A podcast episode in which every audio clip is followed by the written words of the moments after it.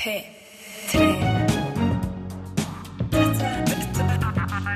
Lørdagsrådet med Siri Kristiansen. P3. Jeg har vært uh, forelska veldig mange ganger i mitt liv, og jeg har vært forelska i mye rart. Altså, Jeg har vært forelsket i et brødrepar som var veldig gode i innebandy. Jeg har vært forelsket i en ekstremt høy fyr med veldig rar uh, latter. Og så var det han som hadde skinna seg og kun spiste loff med jordbærsyltetøy og én spesiell type appelsinjuice. Uh, og så husker jeg veldig godt han Brede, han tøffe med skinnjakke, som sa han var 18, men som egentlig var 22.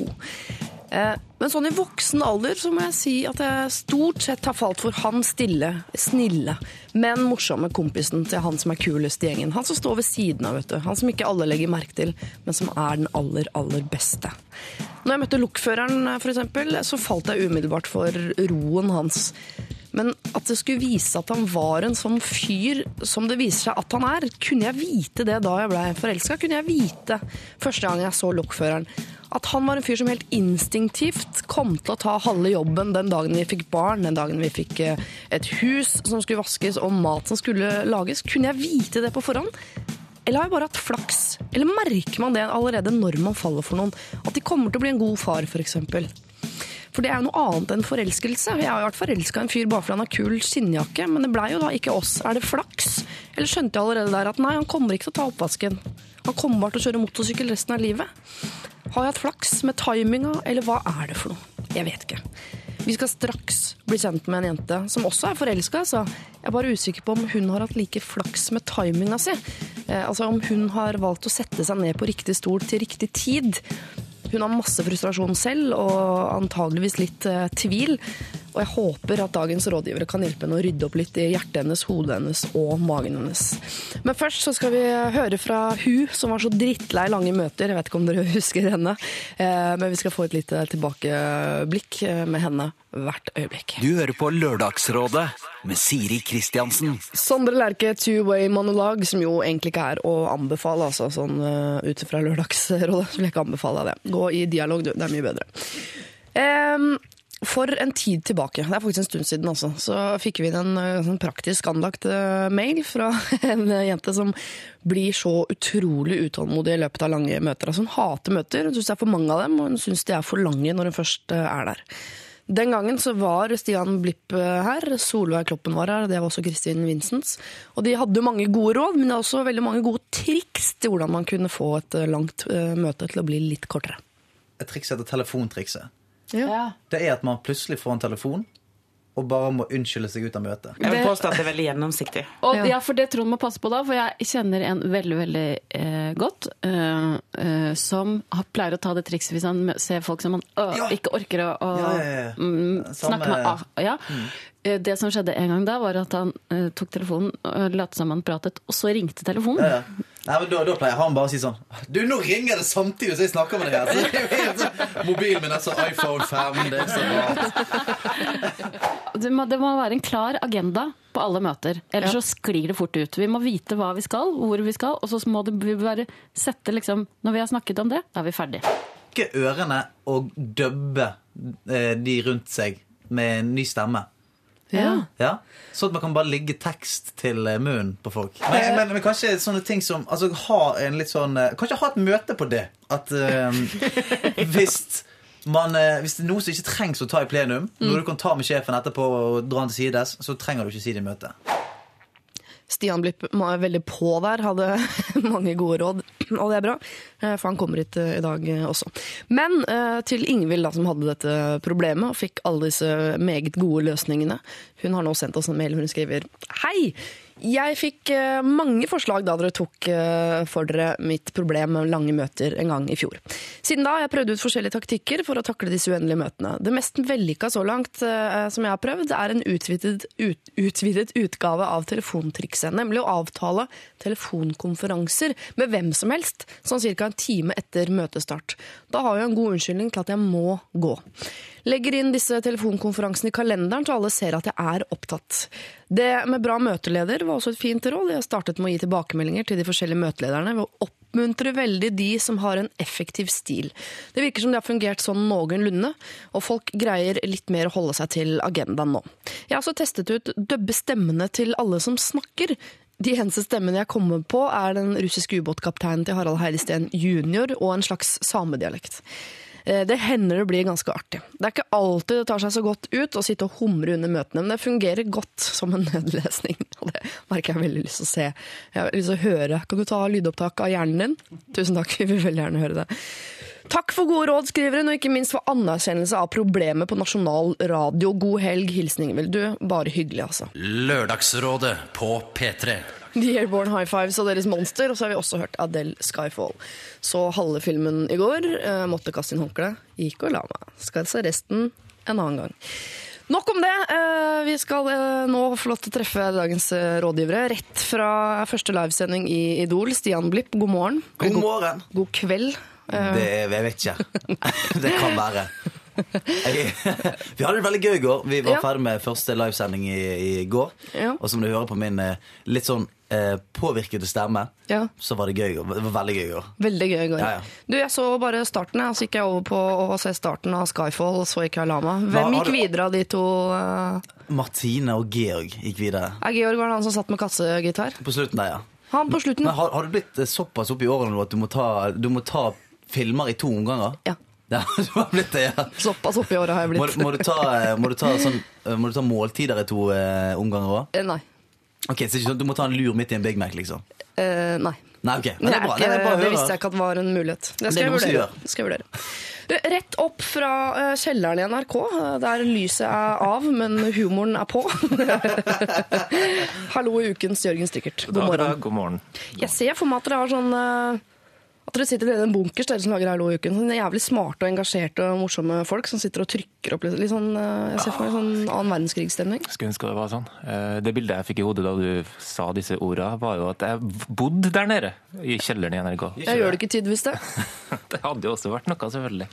Har du vindu på kontoret? Ja, faktisk. Vi har eh, det som ikke så mange vet, at vi har de fineste kontorene i hele NRK. Litt fordi vi er de eneste som har kontorer. Altså sånne dører som går an å lukke, vet du, som man Ja. hadde på 50-tallet. Ja. Eh, Sånn at man ikke trenger å sitte og glo på folk mens de ser YouTube-ting. Men er det fordi du fun dere fungerer veldig dårlig i en åpen eh, kontorløsning? Vi har aldri fått sjansen til å prøve, fordi Ah, okay. vi hører til gamle dager. Og så har vi bare flytta inn i gamle dager, og der er det fabelaktig. Der trives du. Der er det kjempefint. Men spiser dere lunsj sammen da?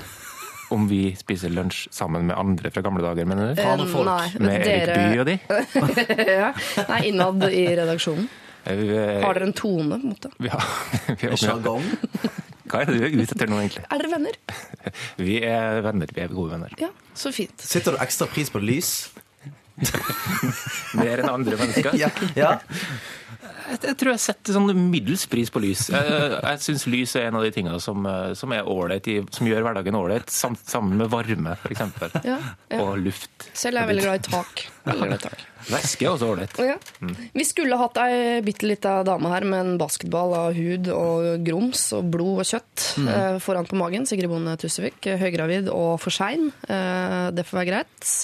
Men det er bare fordi hun er høygravid, så ikke så hadde jeg Mm, slått henne i solar vet plexus. Mm. Eh, men vi begynner da med dere to. Vi pleier å ta en runde på sivil status, og det gjør vi jo eh, hver gang rådgiverne er her, fordi det kan endre seg. Men det er greit for folk å vite hvilken plattform dere står for Ja. eh, på når dere skal gi råd utover eh, morgenskvisten. Mm. Stian, siden i går? Siden i går. Eh, singel på nippet til gift. Oi. ja. Ja. Med Georg, eller? Nei. Nei. Nei. Singel. Eh, ung. Bergenser. Mm. Bor du i bokollektiv? Egen leilighet? Jeg eh, bor ikke altså, Jeg vet ikke hvor grensen går. Jeg bor med en, en, en tjommi, en kamerat. eh, Bor jeg med. Er det, er det et kollektiv? Er det greit å si tjommi? Ja, tjommi, da. Ja, okay. Det er erkebergensk og og nydelig. Greit. Holder på målet. Ja. Nei, det er ikke bokollektiv. Det er å bo med en kompis. Mm. Ja. vi. Ok, Ja. Jeg bor med en kompis. Ja. Eh, Jørgen? Eller det som det, det, å bo med en tjommi, det som på bygda i Norge heter De er gode venner, dem. Har du fått deg en guttevenn? De henger nå så mye sammen, de er to. De, Ungkarene er visst veldig gode venner, dem, sa de i Bygd-Norge. Ja. Hva sier man om deg og ditt liv? Eh, Jo takk, eh, som spør. Det går bare bra. Gif, Gift Ja, eh, i en ekte leilighet ekte leilighet. med hund. Ja, for du har byttet katt Ikke med hund. gift med en hund. Nei, det håper jeg ikke. Da hadde uh, han du er gift med, blitt veldig lei seg. Hvis du kalte han det, da. Bikkja! Sånn type Men kaller du han det av og til? Bikkja? Ja. Nei. Men det, Bulldoggen. men det var Lille bulldog. veldig fristende. Det skal jeg begynne med. Jeg er ikke meningen at vi skal sitte her og prate tull helt til Sigrid kommer, for den teksturen kan jo være lang, det vet vi ikke. Gud. Eh, Men hvorfor har du byttet ut katt med hund? Det vil jeg bare ta en liten runde på. For det kan det- si noe om deg som menneske. Det var ikke sånn at jeg gikk i forretningen og bytta katten med en hund, men eh, den katten ble jo eh, kattnappet av en nabo. Ja. Eh, og, ja, og det var en veldig, veldig sleip nabo som over tid prøvde å snike seg inn på katten vår og bli venner med den. Ja. Ved å gi den bedre ting enn det vi hadde valgt å tilby. Etter hvert så valgte katten side. eh, Og ble naboens katt. Altså kattens Stockholm-syndrom? Ja, rett og slett. Det var det som skjedde. ja. En sleip Hadde en naboen viskas, da? eller? Jeg, vet, jeg, vet, ikke, jeg aner ikke hvilke skitne triks disse kattnapperne bruker i våre dager. Eller har du den der kattematen som har fått eh, det passende navnet Pussy? Har du sett den? eh, Nei, det er ikke Kattematen Pussy. Ja, det hadde i hvert fall ikke Mat vi hjemme. flere. Ja. Eh, Men nå er det en hund. Nå er det en hund. Men Er det eh, til gjengjeld så er det ligner den veldig på en katt. Så det går for det samme. Det er noe av det triste jeg ser, er eh, flotte, høye, deilige menn som går og lufter sånne små under. Jo, men tror er men, jeg, jeg er, tenker er det deres eller? Er det de ta- Er det liksom eh, for Hanke plusspoeng hos sin platinablonde eh, silikonkjæreste? Ofte er det jo det, men ja. akkurat hjemme hos Jørgen så er det ikke helt det. Nei, men det er jo, Dette er jo helt i tråd med det nye livssynsutvalget. De, de har jo er i ferd med å lage en sånn homofil liturgi for kirken. Der står det også at et av vilkårene er at alle homoseksuelle må ha sånne bitte små dumme hunder. Eh, Så det er bare et spørsmål om Vi får gifte oss, men til gjengjeld må vi ta disse hundene som skjer ut som katter. Som en last? Ja, Det er liksom det vi må inn, investere. Det er koselig at du følger vår tids steintavler, eh, Jørgen. Et lite offer. Det setter jeg veldig pris på. Eh, hvis du som hører på har eh, noen problemer du vil dele med oss, eller spørsmål til rådgiverne som har kommet så langt, så send det for all del inn. Kodeordet er P3 til 1987, eller mail av lralfakrøll.nrk.no. Eh, vi skal høre Kurt Nilsen og den ene låta han har som faktisk gjør at jeg kan begynne å gråte hvis jeg er alene. Lørdagsrådet. Kurt Nilsen og hans Never Easy. En veldig eh, privat, personlig og nær fin eh, låt fra han som vant Idol i Stian. 2000 og I to, tre. tre er det faktisk. 2003. 2003. 2003, tror jeg det er. Kurt Nilsen, ja. Er det, det er han idolet, ja. Som går på TV2 hver onsdag og fredag klokken 20.00. Stemmer det. Det er det som alle kidsa ser på om dagen. Og småbarnsmødre til sånn midt i. Altså. Jeg er ikke så opptatt av hvem som vinner, syns bare det er hyggelig å høre dem synge. Ja, ja. Er du er en av de som syns det er gøy å høre når de driter seg, ut, du. Uh, nei, det er jeg usikker på, for nå, eh, for deg tenker jeg det er første livesending i går. Nå tenker jeg at du i ditt hode, det er nå showet starter, men for veldig mange så er det nå uh, moroa er over. Ja, men det, det, det, det har jeg hørt fra mange som sier det at når folk begynner å bli flinke, da er det ikke så gøy lenger. Men det husker jeg faktisk at jeg tenkte sjøl uh, når, når jeg var mindre. Ja. Si. Da tenkte jeg at det, det gøyeste var jo selvfølgelig når du får høre alle, disse, altså alle ankeene og montasjene av alle disse som synger surt og snubler. Og, eh, det bare, når det er sirkus, så er det Ja. litt gøy. Jeg er- liker, jeg liker den delen av det, så liker jeg den siste delen. Jeg er ikke så glad i den i midten, der dere er nå. da. Der okay. dere roter rundt nå. Sånn semifinal tenker jeg Nå skal vi få ut røkla. De som er gode, men ikke liksom har it. Men her får du liksom være med på å se blomstringen. Ja, ja, Jørgen ja. elsker det. Ja, ja, ja. Jørgen elsker det. Blomstringen, ja. Ja, blomstringen, ja. ja, blomstringen. Han er snakker ikke om annet, vet du. Nei, er blomstring, så glad blomster. Dere, eh, jeg tar og slipper dere løs på et problem til tross for at dere er to menn, og håper at dere klarer å se det fra begge Ja, men sider til tross for at vi er to menn, mener du liksom at vi ikke Jo da, men det er en kvinne som ber om hjelp, og det er ikke alltid dere er helt okay. på nett med det greiene. Vi prøver. Ja. Jeg og kjæresten har problemer. Fin overskrift. Vi bor ikke sammen ennå, men planlegger å kjøpe oss noe sammen i framtiden. Han er hjemme hos meg så å si hver dag etter jobb, sover over osv. Problemet er at han gjør det for svarte null husarbeid. Hjemme her er det jeg som gjør alt. Vasker klær, lager middag, støvsuger, tørker støv, skifter på senga, rydder inn og ut av oppvaskmaskinen og alt annet man kan tenke seg. I tillegg til at jeg tar med barnet vårt hele dagen. Det kommer litt seint, så, Ja, det- sånn Det kommer veldig seint, da. Kommer etter oppvask, for eksempel. Eh, han er på jobb, kommer hit, slenger seg på sofaen, blir laget middag til osv. Og, og vil helst gjøre minst mulig, for han er så sliten etter jobb. Når jeg spør om han kan gjøre noe av husarbeidet, eh, får jeg slengt i fleisen at han er så sliten etter en lang arbeidsdag. Jeg orker ikke. Hvorfor har jeg ikke gjort det? Det er all verdens tid. Jeg sitter bare på ræva hele dagen. Sånn sier han til henne. Okay. Han har det trangt økonomisk for tiden, ettersom vi ikke bor sammen, og han betaler da barnebidrag til meg. Jeg har sagt at jeg skal hjelpe han, og at han ikke trenger å betale for mat f.eks. når han er her, noe han er stort sett hele tiden. I tillegg låner han penger av meg hele tiden, og jeg begynner å føle meg som en levende minibank. Dette sliter veldig på forholdet. Egentlig er jeg jo kjempeglad og forelsket i han, og vil virkelig at vi skal holde sammen. Han er jo pappaen til datteren min. Er redd for at dette kommer til å slite i stykker forholdet. Hadde satt utrolig pris på om dere kan hjelpe meg. Hilsen ufrivillig husmor.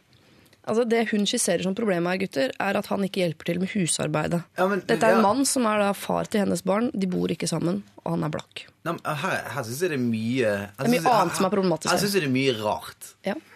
Det er det. For det første at eh, de er sammen, og så betaler han barnebidrag, Ja. og de er sammen. Men de bor ikke sammen, men han er der hele tiden. Og ja, det, det syns jeg, det er mye rart der, da. men det virker som, som sagt at hele essensen av problemet er han er her, og han gjør ikke noe husarbeid.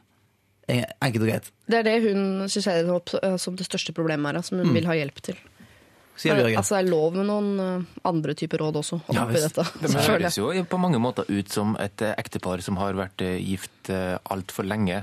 Bortsett fra at de ikke er et ektepar som har vært gift altfor lenge. Så det er jo bare en formalitet som skiller dem fra de fleste andre ektepar. Jeg forstår heller ikke helt den konstellasjonen. Nei, det er veldig rart. Uansett så er det jo selvfølgelig Så må jo hun eh, Din innsender, eh, Siri, hun må jo ta grep og si, disse, si noen, noen av disse tinga. Et skjennsomt utvalg til, til denne herren. Ja, det det virker jo som hun, hun har gjort det. Og Det eneste han sier tilbake, er at han er så sliten er til jobb. sliten, ja. Og for hva er det du gjør for noe hele dagen? Ja, men da kan jeg si jo, men eh, det, jeg hører du si det, herre, men eh, jeg har faktisk hørt et radioprogram. Der sa jeg at du må ta deg sammen.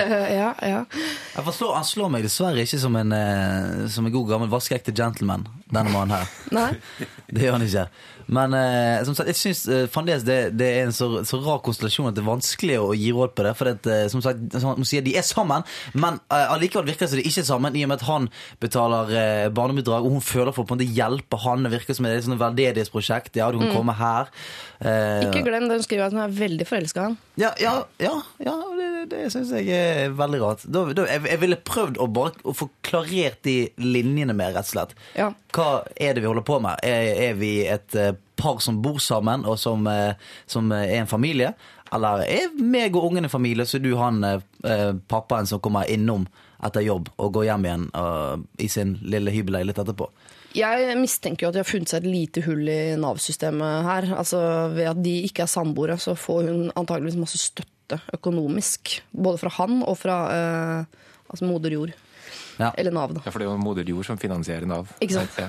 ja, det er jo det, til syvende og sist ressurser og olje og gress, stein, blank. Ja. Mm. eh, det kan godt hende at de har valgt å løse det på den måten. Jeg tipper kanskje hun studerer, altså at det er noen eh, praktiske løsninger som gjør at ikke de bor eh, sammen. da. Og så sitter jeg jo noen, noen spørsmål i hodet på hva den forelskelsen Hva hos han er det du er så innmari forelska i? Det kan jo være at han har veldig mykt hår. For eksempel. Ja. Så lukter da kan man få seg en katt. setter pris på. Ja, det er sant. Ja, det er sant. Men de gjør heller ikke veldig mye husarbeid, altså, bare så det er sagt.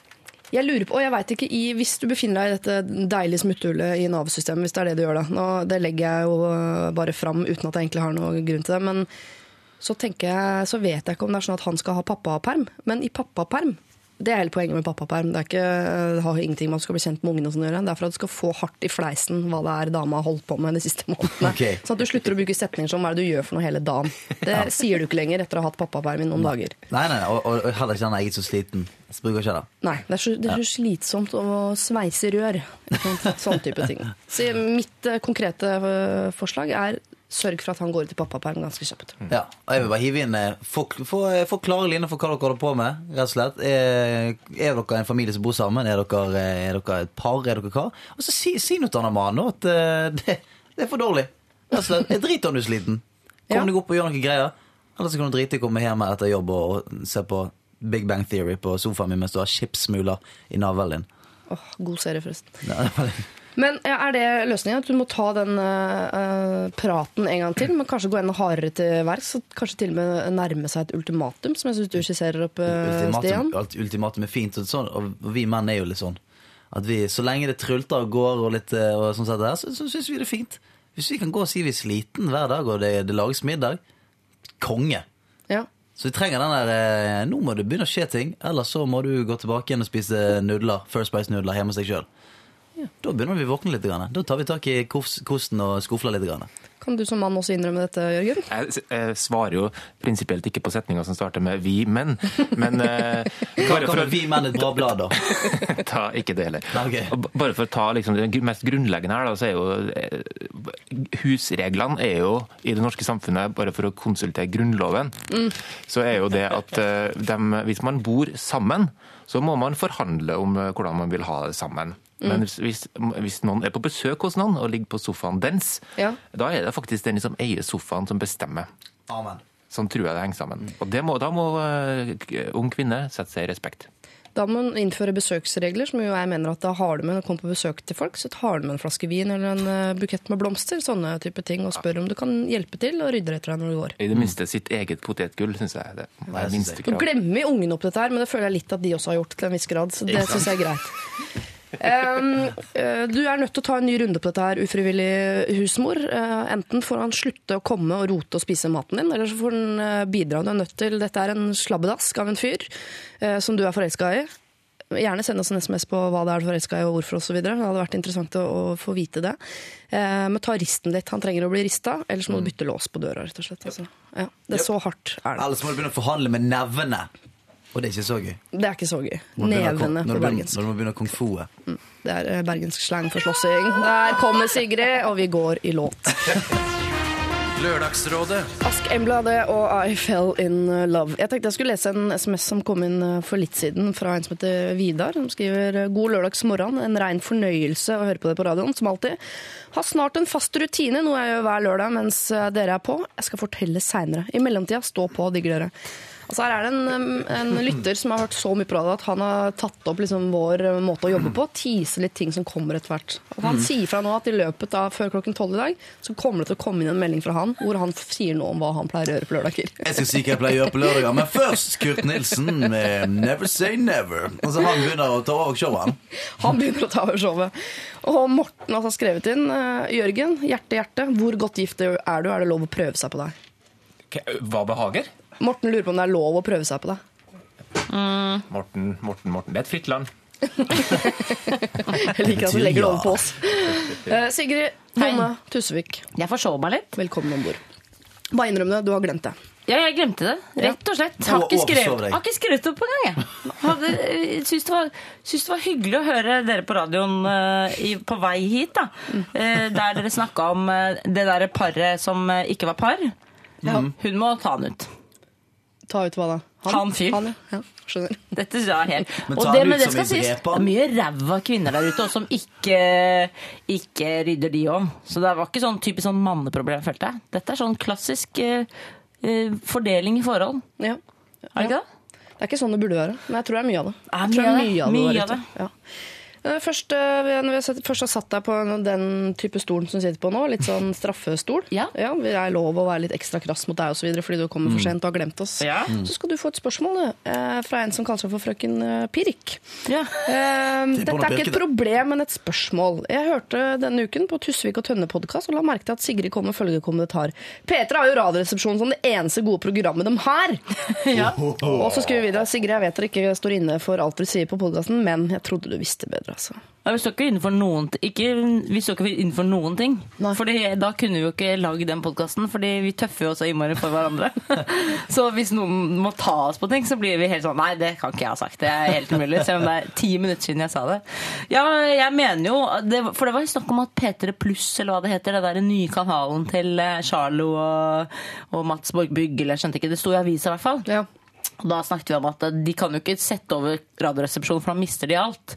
Men da tenkte vi jo ikke på sånne lørdagsråd og sånn. Bra rodd. Jævlig bra rodd. Og ikke sånn at Helga ville P3 kunne ro. Morgen og Tenkte ikke på de bautaene i eh, norsk underholdning. Nei, da tenkte vi mer på sånn lett, lettbeint eh, program. Ta så Dette er Last jo ned alvorlig. podkasten, så skjønner dere. Kanskje dere klarer å sette det i sammenheng. Vi skal eh, hvert øyeblikk ta for oss et eh, problem som dreier seg om avstandsforhold. Det er en evig blemme eh, her i Lørdagsrådet og verden for øvrig. Kan, er det noen som har erfaring på området? Avstandskjærleik? Eh, nei. Har du noe erfaring på kjærleik i det hele tatt? Så synes du alltid, alltid jeg svarer nei på det spørsmålet. du, jeg, har, jeg, har, jeg har litt. Jeg har litt. Du har litt erfaring, ja. Jeg har sett, sett mye film. Sett mye film. Sett mye film, Så jeg kan litt. Jeg, har, um, jeg har, eh, hadde kjærlighetsforhold til Altså, jeg hadde kjæreste på videregående da jeg gikk i tredje gym, og han flytta til Australia. Ja. Bra. Australia kommer til å dukke opp også i mailen som kommer inn. Masse så er det erfaring. jo nøkkelerfaring. Ja. Jørgen? Mm, nei, bare nærhet. Nærhetskjærlighet. Bare nærhetskjærlighet. Bare det er ti den meter beste kjærligheten. Det er den jeg liker best. Kleggekjærligheten. Vi skal også en tur, ikke bare til Australia, men en liten tur til New York, og i det hele tatt eh, rett etter eh, Lykke Li og hennes I Follow eh, Rivers. Det dreier seg altså om avstandskjærlighet. Så hvis du har noen råd basert på bare det lille vi har sagt nå, teasing, Vidar, til deg som sendte inn SMS, du vet jo hva det er, så send inn det allerede nå, altså. P3 er kodeordet, og nummeret er 1987. I Follow Rivers synger hun Lykke Li. Sigrid Bonde Tusvik, Jørgen Strikkert og Stian Blipp er dagens eh, rådgivere, og her er det lov å ta notater, for det er et forholdsvis langt problem. Okay, la oss kjøre. Jeg kan prøve å ta det hele fra begynnelsen. For et par måneder siden var jeg på ferie i Australia. Tre dager før vi skulle dra fra byen vi besøkte, traff jeg selvfølgelig en fantastisk fyr på en bar. Jeg følte vi hadde god kjemi, og det var noe med han som gjorde meg interessert i å se han igjen. Da han spurte om jeg ville møtes dagen etter, var jeg ikke i tvil.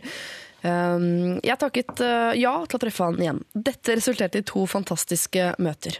Etter dette har jeg snakket med han, kall han gjerne Gunnar, hver dag på meldinger og på Skype. Han fortalte meg allerede første gang vi møttes at han skulle dra til New York for å bo og jobbe der et par år, og spurte om jeg ville komme på besøk. Nå er situasjonen slik at jeg har bestilt meg flybilletter tur-retur New York, med avreise veldig nær framtid for å besøke denne Gunnar. Det bør nevnes at jeg drar alene og skal bo hos han. Mitt o store problem er at jeg frika ut sist uken jeg snakket med en venninne, og det gikk opp for meg at Gunnar faktisk kommer fra Australia. Nesten så langt vekk fra Norge som man kan komme. Det tar fra 20 til 30 timer å komme seg dit, eh, og det er ca. 10 timer i tidsforskjell. Det er hårreisende. Hva hvis jeg forelsker meg i denne Gunnar? Er det galskap å dra alene til eh, The Big Apple for å møte Gunnar, som jeg kun har møtt tre ganger før? Hva hvis jeg blir forelsket i en fyr fra langt vekk i stand, som mest trolig ønsker seg hjem etter et par år i New York? For å transformere alle spørsmålene mine til et hovedspørsmål, burde jeg dra til New York? PS. Hvis det har noe å si for problemstillingen, er flybilletten betalt, og det er ingen avbestillingsmulighet. Jeg har vært i New York tidligere. Jeg er fornuftig, impulsiv, spontan og muligens en liten romantiker. Jeg er over 25, men under 30. Beste hilsen. Rådvill, New York City. Svaret mitt er ja. Dra til New York. Ja. Fordi at eh, altså, det er jo helt i starten. Det, så det er jo ingen det, det, det er jo ingen forpliktelser ennå. Og dette er jo liksom, vi er jo på eventyrstadiet. Å satse litt, prøve litt. Hvor gammel var hun, sa du? 25? Over 25, under 30. Ok, så si, si 27, da. Ja, si det. Bare kalven! Ja. Så jeg, jeg råder å stikke til New York. Go crazy. Hvis, ikke, hvis det er drit, gå hjem igjen. Det er, er ikke noe verre enn det. Og, eh, og eh, jeg har sett mange i Australia som jobber i bar her i Norge. Så det bare får få det over. Det er Men du syns ikke det er skummelt at basert på tre møter så reiser hun helt til New York og skal bo hos han? Han kan jo være at han lever av å selge skalper liksom, fra ja. skandinaviske damer som han inviterer over til New York. Det som er skummelt, er at han heter Gunnar og er fra Australia. Gunner! Det er kjempeskummelt. Allerede der burde det lukte Men, men jeg syns også hun skal dra. Hva, er, hva slags fornuftig jente er det her, da? Plutselig er blitt, øh, Hun er tydeligvis veldig fornuftig, da. Ja, men også impulsiv og spontan.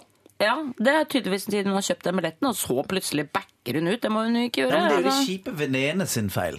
Ja, men De sa, fordi, ja. Seriøst, han bor i, han bor i Australia. Australia, altså. Jeg for meg at det er sånn sykt, sykt med giftige slanger og sånn der. Man kan dø av edderkoppene der. Altså. De ligger oppi postkassa. Og skal du være der? Sko. Er det der du skal leve?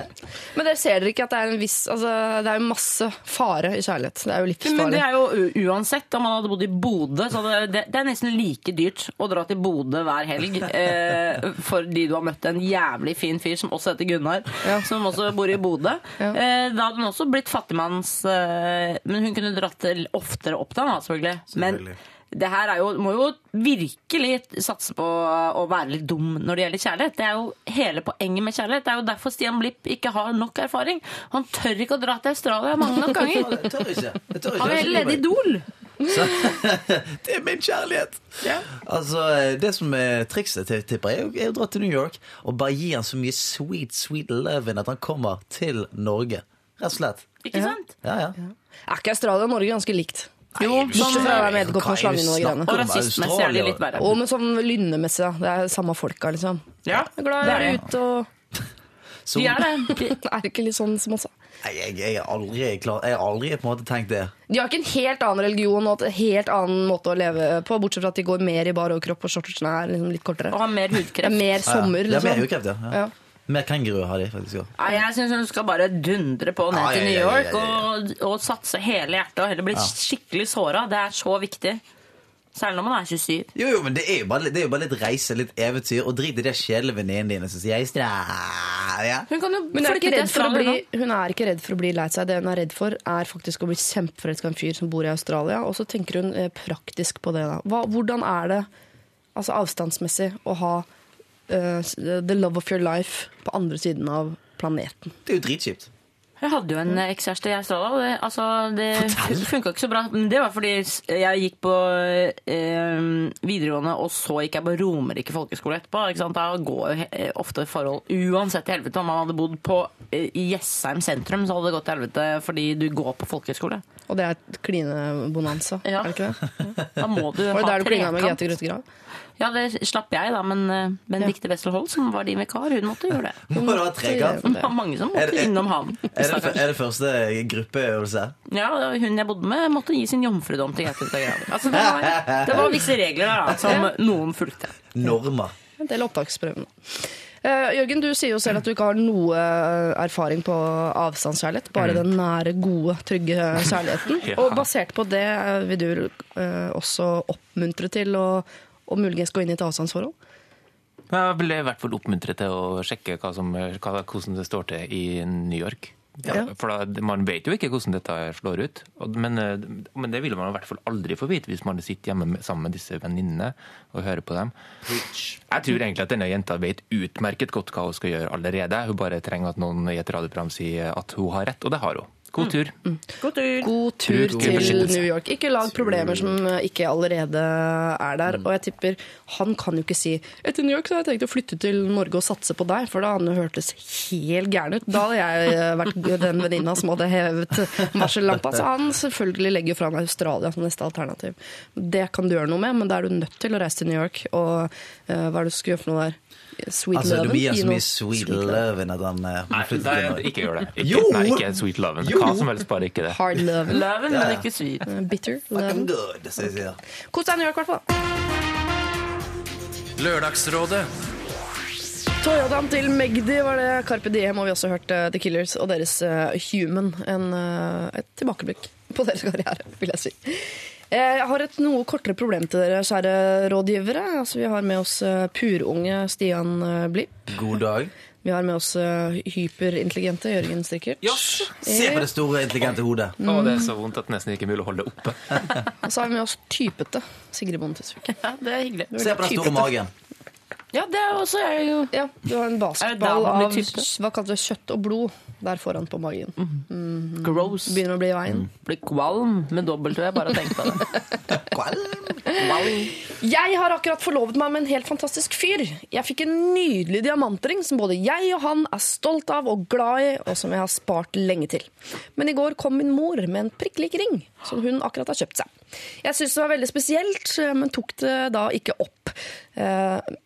Eh, Sa, øh, men da jeg tok det opp, sa hun at øh, de ikke var helt like, og at hun ønsket seg en sånn øh, ring lenge, hun også, men at hun bare aldri hadde sagt det til noen. Jeg syns det tar litt av stasen fra min ring, og syns det er dumt. Er det feil av meg å reagere sånn? Jeg føler meg litt smålig, men syns samtidig det var en veldig rar ting å gjøre. Hilsen nyforlovet og litt sur.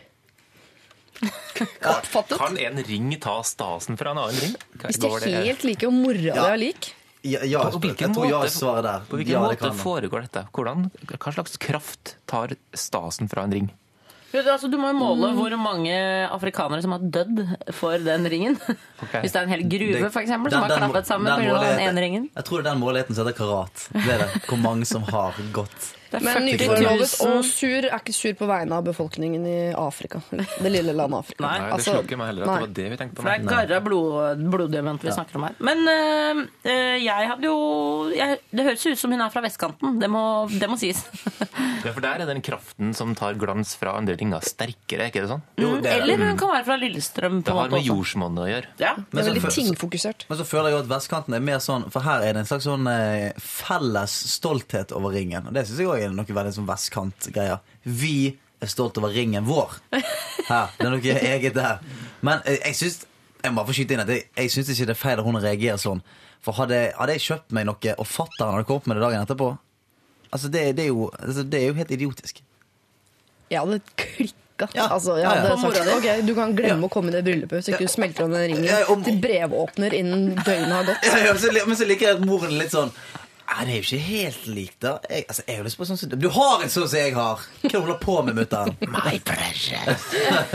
Litt ringenes herre-stemning her. Så har vi bare én fyr her med giftering, og det er Jørgen. Så eh, hadde du klikka på faren din, så Nå er jo dessverre sånn at eh, faren min eh, slo, han kom jo meg i forkjøpet og gifta seg allerede et par år før jeg ble født, så den eh, tapte jeg så det sang, gitt. ble han sur når du fikk nesten helt lik giftering som han? Han ble litt rar i ansiktet, men jeg tror ikke det var, jeg tror ikke det var sur eh, over akkurat det med ringen.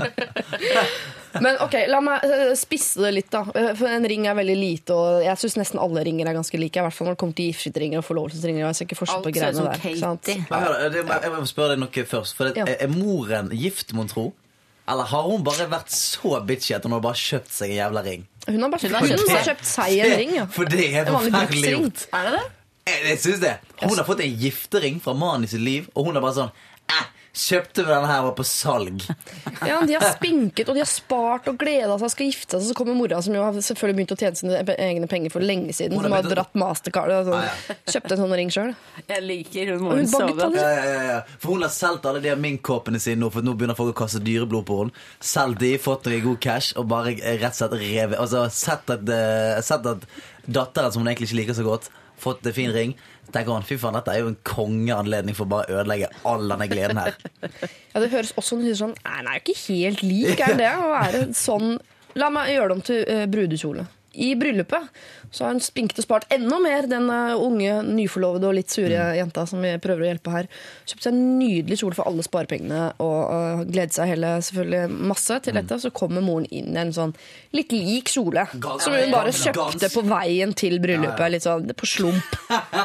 Det er bedre bilde. Mm, ja, det er dårlig gjort. Det er altså, eh, eh, hun her må gjøre som deg, Siri. Si fra. Eller hun har jo sagt fra, egentlig. Jeg sier aldri fra, jeg tar det bare ut på radio. Ja, det er sant. Ja, for jeg hadde heller ikke turt å ta opp det med moren min. Ja, men jeg, jeg, jeg hadde spurt Jeg hadde spurt min mor nede og sagt sånn Er dette her, for, er dette her kun for å ødelegge gleden for meg? Vær ærlig med Hvis du sier ja, det går helt fint. Bare, men bare svar meg. Er dette kun for å være jævlig? Ja. Det kan jo være hun prøver å skape nærhet til datteren sin. og At hun er sånn 'Å, vi er helt like. Vi er kjøpt lik ring.' Hun vil være med i sånn mor- og datterkonkurranse i det nye og sånn. Jeg ser hele tiden for meg mor moren til Pia Haraldsen. Jeg beklager, men det er hun som dukker Ja, det er et fint bilde. Nei, det her er Nå føler jeg jeg legger veldig føringer her. Altså, jeg synes- folkens, jeg synes er det feil av henne å bli sur? Ja, det, nei, det er ikke feil i det hele tatt. Jeg syns det er helt på sin plass. Hun har havna i en forferdelig knipe, for hun har jo fått eh, kapitalismens forbannelse langt inn i ryggmargen, stakkar. Så det hun burde gjøre, er å ta ringen sin og finne et juv og kaste den ned, sånn at ondskapen forsvinner fra denne verden Du, du, en gang for alle. du tenker på Ringenes herre, du, nå? Ah, ja, Du det var tenker, du tenker at du skal ta med er ringen til Den er ikke så lav. Det gjorde inntrykk, den filmen. filmen. har ikke sånne ører. Men, eh, men jeg hadde bare gønna på med å være- vært sur eh, og egentlig sagt eh, skjerp deg. Jeg syns jeg hører i rommet her at opptil flere er helt enig med deg. Litt sur. At du kan være litt sur. Personer mener at du kan være fryktelig sur. Ja, det mener Stian òg. Altså forbanna. Men Altså, samtidig, tenk litt på det Jørgen sier. Det er en grunn til at det fins en film om dette. her, At det er bare en ting. Altså, altså, du må ikke la den tingen eie deg. Det er bare en ting, rett og slett. Og du kan jo bytte til en annen ring, da, som du vet at moren din ikke vil eh, like, for eksempel, som er litt ungdommelig og en, eh, fresh. Ta en tåring, for det er det få som etteraper, tror jeg. Kjøp deg en tåforlovelsesring. Det er veldig nymotens. Jeg bruker en intro som Stian Blipp brukte på Idol eh, i går. Eh, Silkestemme pakket inn i fløyel. Brukte du om en eller annen fyr som ikke gikk videre da, i går. En stemme, du kunne brukt til å lage en pysjamas av. Sånn var det du sa det. Sånn sa jeg det. Ja. Hugh Hefner. Kunne man sagt om Machine Bird som vi hørte her, og deres If I. For det mener jeg er en silkestemme pakket inn i fløyel som du kan bruke som pysjamas. Ja, du kan eh, lage pysjamas av den stemmen. Ja. Ja. Slåbrok eventuelt. Eller Evt. Ja. Vi har fått en mail fra en som heter eh, Renate, som har hørt på Lørdagsrådet. Hei, hørte meget eh, interessert på deres diskusjon angående jenta som skulle følge kjærligheten til australske Gunnar og reise til New York. Jeg dro til Australia for 13 år siden og angrer ikke en dag siden. Da er vi gift og har to barn. Australia er et fantastisk land å ha som sitt andre hjemland. Men det er jævlig vanskelig å konstant skulle forholde seg til hvor vi skal bo. Hvor vil ungene velge når de vokser opp med alle disse avstandene? Jeg har flere europeiske venner som sitter fast i Australia etter at forholdet tok slutt, og de får ikke med seg sine barn tilbake til hjemlandet. Reise for all del, reis for all del til New York, men vær klar over at når kjærligheten brenner som verst, er det vanskelig å tenke rasjonelt. Det kan være greit, det har gjort seg opp en del tanker på forhånd, men reiser hun ikke, vil hun for alltid lure. Skriver Renate. Ja. Begynte veldig positivt, så syns jeg det ble gradvis mer og mer negativt. Jeg merker jeg hadde ikke lest den mailen godt nok før jeg tok den høyt. Nei, Nei, men det var riktig. Hun Hun bør skrive en liten kontrakt en liten, på en liten gul lapp. Husk at jeg ikke vil bo i Australia i 30 år. skal stikke rive. Der er det edderkopper. Bare. Kobber. Vi tar et uh, problem uh, til, som er et litt sånn omvendt problem av et problem vi har hatt mange ganger tidligere. Da. Eh, dere skjønner hva jeg mener etter hvert. Hei, jeg har et lite problem. Jeg er 21 år og eks-homo, tror jeg. Da jeg gikk på ungdomsskolen, kom jeg ut av skapet etter mye om og men. Det gikk greit blant venner og bekjente, men familien har vel enda problemer med å svelge det. Jeg var sammen med en gutt i mange år, osv. Men det siste halve året har jeg forelsket meg i en jente for første gang, tror jeg. For det er nettopp det. Hvordan føles det å være forelsket, egentlig? Og så har jeg da et problem. Når jeg prøver å ymte frampå blant venner og slikt, at jeg kanskje har begynt å få litt spesielle følelser for ei jente, så ler de avfeier meg og sier at du skal ikke skamme deg over den du egentlig er. Så hvordan kommer man seg inn i skapet igjen? Bifil, ja, jeg vet, men det er så rart, for det, dette er første jenta jeg har falt for. Hver gang jeg ser en gutt øh, nå, synes jeg, øh, som jeg syns er litt fin, holder hjertet mitt på å slå seg ut av brystkassa. Det går liksom ti år mellom hver jente, så jeg føler at bifil også blir litt feil. Hjelp! Hilsen Bolla. Altså, Bolla vil inn i skapet. Okay. Det er det vi skal hjelpe han med. Hvordan kommer han seg Han vil inn i skapet. Strikert, Jeg syns du skal begynne den her. Det, jeg har ingen erfaring på dette, men, eh, men, er, det- men jeg syns Bolla skal tenke litt sånn for Man trenger jo ikke å re, altså vurdere å lage og fylle ut et skjema som en gang for alle besvarer disse problemene eller spørsmålene.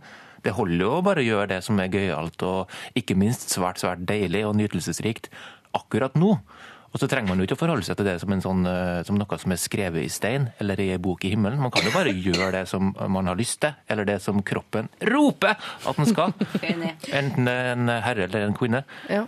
For det høres jo veldig slitsomt ut å måtte på en måte definere seg som bifil eller eh, et eller annet eh, fordi du har forelsket deg i en kvinne. Fordi jeg tror jo da at det er som eh, folk flest, at eh, man får helt hangup på noen, og så er det andre man ikke eh, kjenner noe for, ikke sant. Så man kan jo, i bunn og grunn, tror jeg alle kan liksom forelske seg i hvem som helst, egentlig. Sånn samme kjønn. Ja. Selv om du er sånn blodhetero, kan du til og med liksom plutselig tenke sånn Shit, hva er det som skjer nå? Jeg har helt hangup på han fyren der. Har, har, du, har du noen gang hatt noe sånn med, med en dame? Ja, jeg vet ikke. Jeg tenker jo liksom sånn Det har vi snakket mye om, jeg og Lisa Tønne da, på Tusvik og Tønne. At, fordi jeg mener at hun er den eneste jeg kunne tenkt meg å ligget med. Men det er mer sånn møkkete sex. Du har ikke lyst til å Jeg har være ikke lyst til å sammen være med henne. kjæreste med henne. Nei. Nei. Det er ikke noe sånn eh, Nei. Det er mer er sånn å være crazy stand. for en kveld. Liksom. Ja, men, eh, men jeg støtter denne personen her at han eh, Men hvorfor må han på en måte dele det så mye med Jeg kan tenke meg at eh, i homsenes verden er det liksom beinhardt eh, Beinhardt liksom Når du endelig har kommet ut av skapet, så er jo det en kamp for eh, hele homokampen. Og da blir kanskje noen homser litt sånn støtt hvis du går inn i skapet igjen. Sier sånn Men kunne ikke «Ah, bare var ikke- det var, Dette var ikke så gøy. Uh, vi, vi snakkes, folkens. Det var gøy. Ja. Det var gøy så Det var gøy i ti år, og så er det ikke gøy. Her har du de rumpeløse buksene. hadde-. Jeg hadde heller eh, kanskje tenkt at, eh, at han burde prøvet hun jenta først, og så kanskje blitt eh, kjæreste med henne hvis eh, hun også vil være sammen med han, og så komme til alle og si du, jeg har fått eh, gjenkjæreste. Men, Det ja, har gått litt sånn feil runde. men jeg bare skjønner ikke hvorfor han skal inn i et skap. Altså, det er utgangspunktet syns jeg er grusomt at man føler at man må gå ut av et skap. Og da så blir det enda mer grusomt å tenke på at noen skal gå inn i et skap. I så fall må du gå inn i det der kjempeskapet da, der folk flest står. Altså, Ja. Jo, men- Altså, jeg- jeg, forstår ikke, Hvorfor skal han si Han trenger vel ikke å si fra til alle om sånn OK, folkens. Øh, klokka tolv i morgen, ny announcement fra meg. Ja. Nå er det en jente. Nå er det en Altså, bli, kan ikke bare bli sammen, da? Altså, folk finner jo ut av de greiene der. Så godtar jo folk det. Alle godtar jo, eller man prøver i hvert fall å godta de nye damene og typene til folk eh, inn i vennegjengen. Ja, Om det er en dame eller mann, så Ikke lag så stort nummer ut av det. Jeg tenker Hvis man først skal ta, slå et slag for homsekampen, som du kaller det, så er det vel å slutte å lage så himla stort nummer ut av det. Jo, men jeg tror det er mer det at denne mannen her er Kanskje, som sagt, han trenger å vite hvor han er hen. Er han, altså, jeg tror han er derfor han spør litt venner som ser dette her. For han tenker eh, Faen, er jeg homo? Er jeg streit? Eh, Altså, jeg tror jeg, bare er litt sånn usikker, rett og slett. Ja. Og jeg føler litt at eh, han, må, han må velge, nå må, må han velge side. Ok, nå får jeg fått følelser for en dame. Ja, men Da må jeg være, være hetero, da. Å shit, nå har jeg fått følelser for en mann. Da må jeg være homofil. Eh, det er, jeg tror han bare føler at han, han må få, få ting på det, eh, på det streite. Hvor, hvor er jeg? ikke bås deg. Ikke bås deg. Ikke bås deg til. Bås deg. 21 år var ikke han det er veldig lite til å bestemme seg for alle ting for resten av livet. Altså, husk på, Ja. Man kan jo plutselig bli forelska i noen som heter Gunnar i Australia. Hva faen skal man da finne på? Ja. Jeg er enig med deg, sier jeg tror at han skal ikke nødvendigvis inn i noe skap igjen, men han skal, han skal tenke på dette med seksualitetens fantastiske verden som et eneste stort walk-in closet som er til vår alles fri benyttelse. Smak på alle fruktene. Og det er livsfarlig når du er usikker og driver og skriver overskrifter på livet ditt hele tiden. Ta så Vent litt. Ta så Finn noe innhold først, og så kos deg der i walk-in-closetet ditt. Hvis ikke homokampen tåler at eh, Bolla 21 ligger med jente, så var den ikke så mye verdt i utgangspunktet. Jeg ser for meg at Det som må være vanskelig her, er jo å få sagt fra til en jente som tror at du er homofil, at, eh, at du er forelsket i henne. For det er i utgangspunktet vanskelig å få signalisert at man er forelsket. Det er det mange som har problemer med, og i hvert fall hvis den du prøver å signalisere det til, tror at du er, spiller på et helt annet lag. Men du, hvis det er problematisk for deg, så får du ta oss og sende det inn. For det, det er ikke det du spør om. Eh, Bolla, ikke gå inn i noe skap, men kos deg med den deilige eh, Hva kalte du den? Seksuelle verden. Seksuelle verden. Alle fruktene. Smak på alle fruktene. Ja, Ta i bruk kjønnsorganene til det som er vitsen med dem. Nytelse. Repeter det. Ta i bruk alle kjønnsorganene. Som er dine og dine nærmeste. ja. Dytt i borti folk. Ja.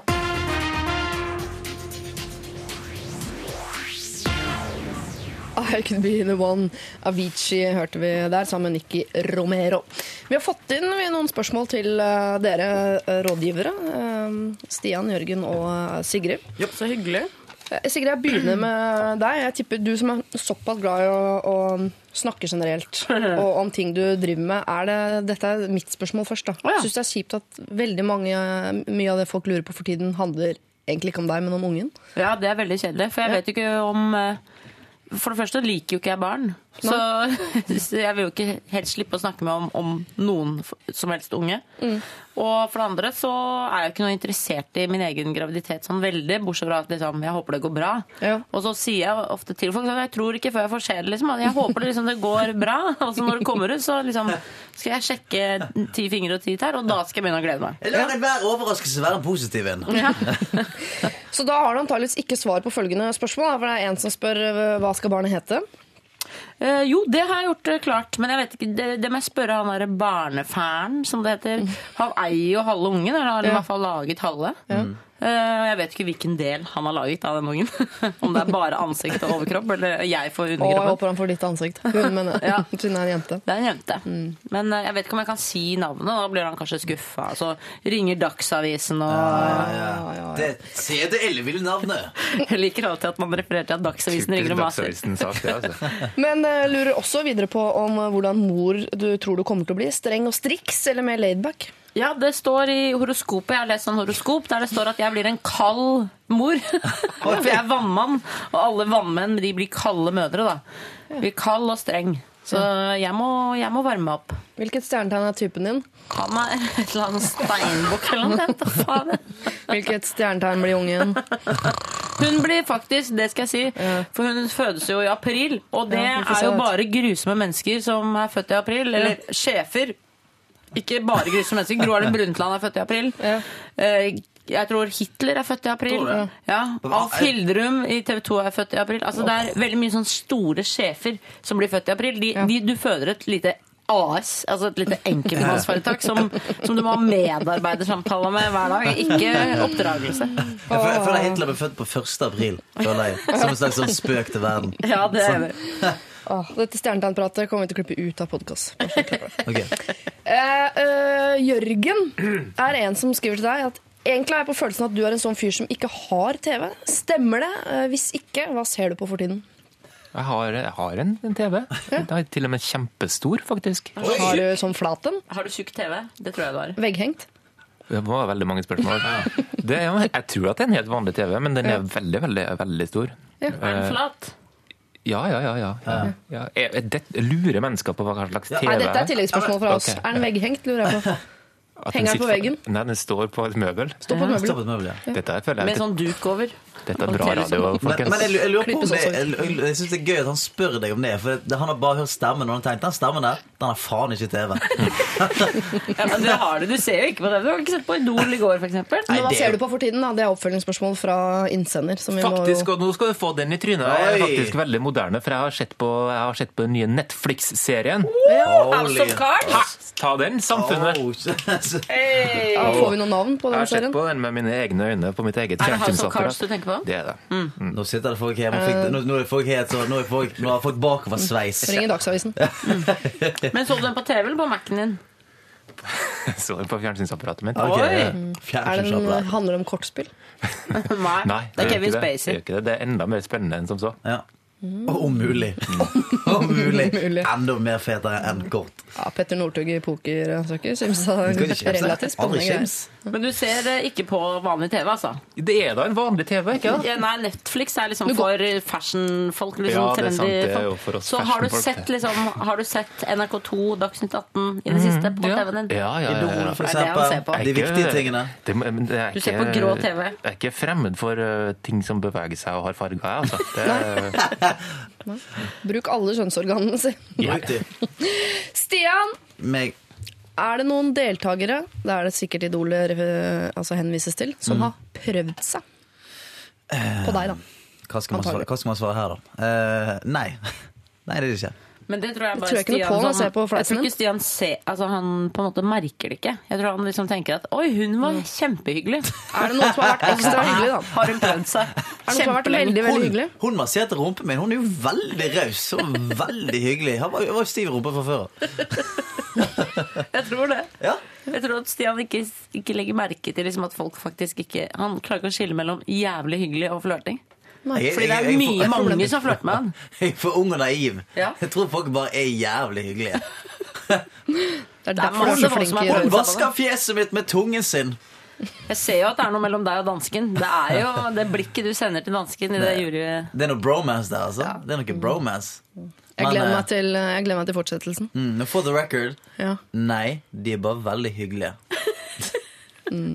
Veldig hyggelig deltaker i Idol.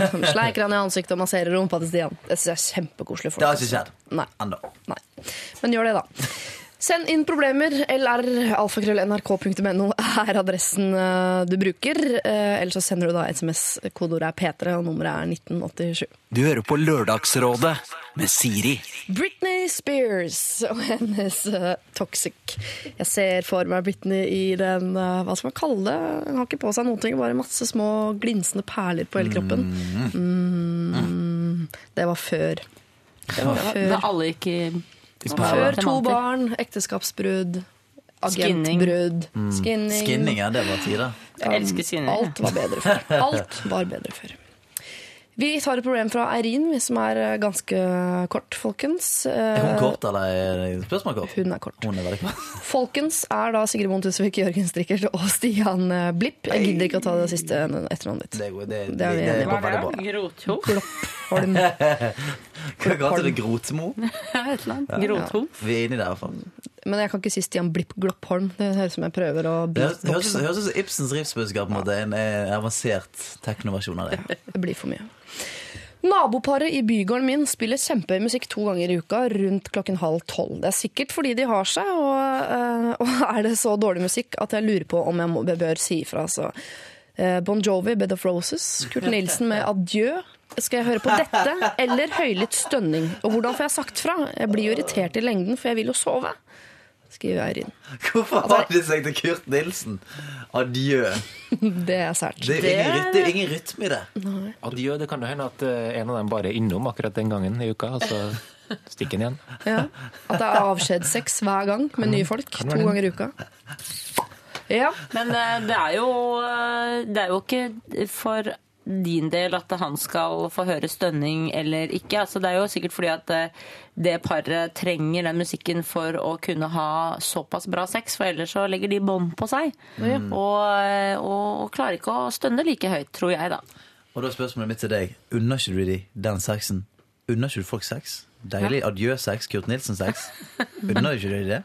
Det syns jeg du skal gjøre. Ja, det synes jeg. Men for det man kan jo jeg, Hvis jeg har fest eh, i den bygården der jeg bodde før, så hang jeg ofte opp eh, lapp eh, der naboer kunne krysse av hvilke låter de absolutt ikke ville høre. Ja, for da var det veldig greit å vite liksom, at hvis det er en nabo som kommer til å klikke hvis liksom Roxette ble satt på, da, Ja, ja, ja. så veit du det. At det liksom, og den som bor over, vil helst ikke ha Bon Jovi. Så heng opp en plakat der det står 'I kveld skal det bolles'. Hvilken sang vil du ikke høre oss bolle til i kveld?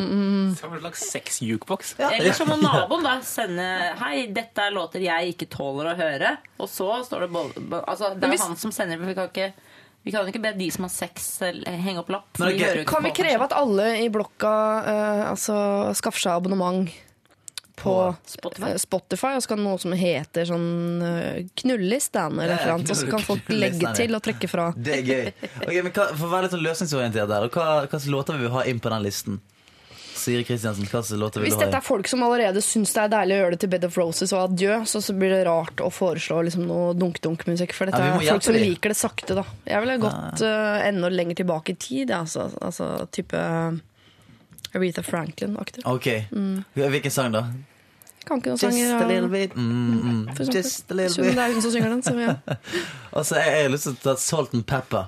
Men, mm, push it. Don't want a short dick man. Don't want a short dick man Jeg liker den der eh, Girl, I want to make you sweat. Sweat until you can't sweat no more. Jørgen, And if you cry, I'm gonna push it, push it some more. La la la la long. La la la la hodet. long, long, long, long. Nei, men jeg tror at uh, dette her eh, kan ikke du bry deg om, kjære nabo. Du må dessverre tåle skikkelig, skikkelig mye ræva låter for at de skal ha det bra. Det er to ganger i uka, var det det? Jeg er logget ut som programleder nå. Jan Eggum. Jan Eggum, det- nå er det på'n igjen. Nå er det på'n igjen. På'n igjen. Kjempefint at du synger, men ikke gjør de bevegelsene samtidig. Det er så stygt. Blir for privat for oss. Ja, blir privat. Jørgen, si noe smart. da. Dette blir bare Hvis vi ikke snakker, så tror de kanskje at jeg ikke er her. Du er bare uten TV. Ok. eh, Noe konkret eh, avledningsvis, avslutningsvis? Jeg mener det at du, du, du må Var det to ganger i uka de hadde Halv tolv to ganger i uka. Ja, Det er veldig bra og heftig eh, opplegg. da. De, de har sånn timeplansex. Ja, det er så koselig. koselig. Kan hun henge opp en lapp i, eh, ved postkassene med alternativ, eh, alternativ det musikk? Det mener jeg. Eller ja. kjøpe sånn Spotify gavekort, hvor her har du eh, åtte låter. Ah, ja. Vær så god. For ikke være en buskill. Ikke være hun som kommer opp og sier Du, eh, denne knullingen, det må vi slutte med. Altså, Altså, det er jo Bon Jovi hun vil at de skal slutte med, oh, ja. ikke, ikke knullingen. ok.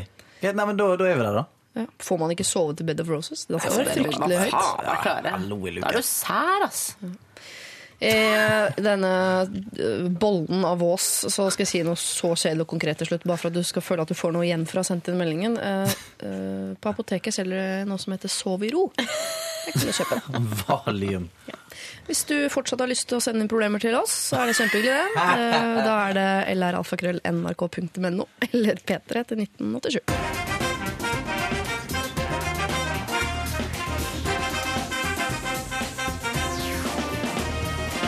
Røyksopp gjør det igjen, denne gangen sammen med Susanne Sundfør. Og de synger altså, eller det er hun som synger, da, 'Running to the Sea'. Forrige lørdag så var Solveig Kloppen her. Det var også Gaute Grøtta Grav og Audun eh, Lysbakken. Og vi hadde det veldig veldig morsomt, blant annet med et problem der eh, det var en som hadde laget en Facebook-gruppe gruppe. Lagt til to venner, kalt gruppa for uh, idiotiske fjols eller et eller annet. For så i etterkant av dette å skjønne at medlemmene i gruppa får en beskjed om at du er blitt lagt til i listen idiotiske fjols, og er usikker på hva han skulle gjøre med det. da. Og Vi hadde jo som alltid mange gode forslag på det, vi, men eh, det beste forslaget det kommer rett og slett ikke på. Men det har heldigvis kommet inn på mail nå i etterkant. Be henne skrive en ny statusmelding hvor hun skylder på face rape. At det er noen som har hatt moro på hennes bekostning osv. Hilsen Snuggles. Det er et usedvanlig godt råd. Jeg er flau over at ikke vi kom på det eh, selv. Vi snakket også om hvorvidt det var greit å sitte eh, i dusjen eh, på en plastikkstol, eller om det var uhygienisk, ekkelt osv. Her er det en som anbefaler på det sterkeste. All honnør til han som vil sitte og dusje. Dere kan ikke fraråde det. Jeg har selv praktisert sittedusjing i 23 år, er nå 35, dog uten stol. Så han sitter vel antageligvis rett på flisene, som jo er enda eklere, spør du meg. Det er den beste kur mot fyllesyke og annet grums og anbefales på det sterkeste. Han ønsker seg også en T-skjorte. Hilsen sittedusjer. Eh, Det skal tas opp til eh, vurdering. Det er nå tatt opp til vurdering. Og svaret er nei. Det beklager jeg. Jeg har også fått en oppdatering fra hun med den gamle parfymen. Altså en som fant en parfyme fra, som har fått av eksen, og lurte på om hun kunne begynne å bruke den igjen, eller om det ville minne for mye om eksen, osv. Ja, vi mente jo at for det første så er det jo helt dust å bruke en seks år gammel parfyme. Den må helt sikkert ha gått ut på dato. Hun skriver til oss Hei, takk for gode råd. Jeg kommer nok ikke til å bruke parfymen, men skulle jeg ombestemme meg, ja, så kjøper jeg en helt ny flaske. det, eh, det er veldig godt å vite. Og også helt til slutt her. eh, Sint kjæreste med kort lunte. Jeg vet ikke om dere husker henne, men det var et par der hun, altså jenta i forholdet, var ekstremt sinna. Altså hun ble fort sint, og det var ikke alltid det var hans skyld engang. Og skriver Hei igjen, kjære vakre Lørdagsrådet. Jeg min kjære vil takke for mange gode råd. Selv om jeg ikke har fått prøvd ut noen eh, ennå, er de notert bak øret. Vi har bestemt oss for å jevne ut luntelengden. Altså Han var veldig sånn rolig og sindig, hun var sånn som ble fort sint. Vi skal jevne ut luntelengden i forholdet med yoga til henne og kampsport på meg. Så da håper vi at de mentalt møtes på midten på et eller annet tidspunkt. Veldig fint med disse eh, både tilbakemeldinger liker vi for å høre hvordan det går eh, med dere, men også fint med råd sånn i etterkant. Dere må gjerne legge det ut på Facebook-siden vår hvis dere har noen ekstra råd eller noen ekstra personlige erfaringer som vi i rådet da ikke nødvendigvis sitter på akkurat den lørdagen. Eh, Veldig velkomment altså på Facebook. Der vil det også bli lagt ut et bilde om kun kort tid av dagens rådgivere. Du hører på Lørdagsrådet med Siri. The Gaslight Anthem og Handwritten var det der. Eh, I Lørdagsrådet i dag, eh, Jørgen Strikkert. Eh, Du har en rutet og fin skjorte på deg. Jeg må si, du er veldig fin i blått. Er det sant? Jeg, Veldig fin i blått. jeg hadde ikke slått meg at denne var blå engang, men eh, Nydelig. Den er blå. Stian Blipp i en som står i stil til både skjegget og tatoveringene og livsstilen for øvrig. du er veldig fin i. Tusen takk. Tusen Du kler rock. Skikkelig, liksom.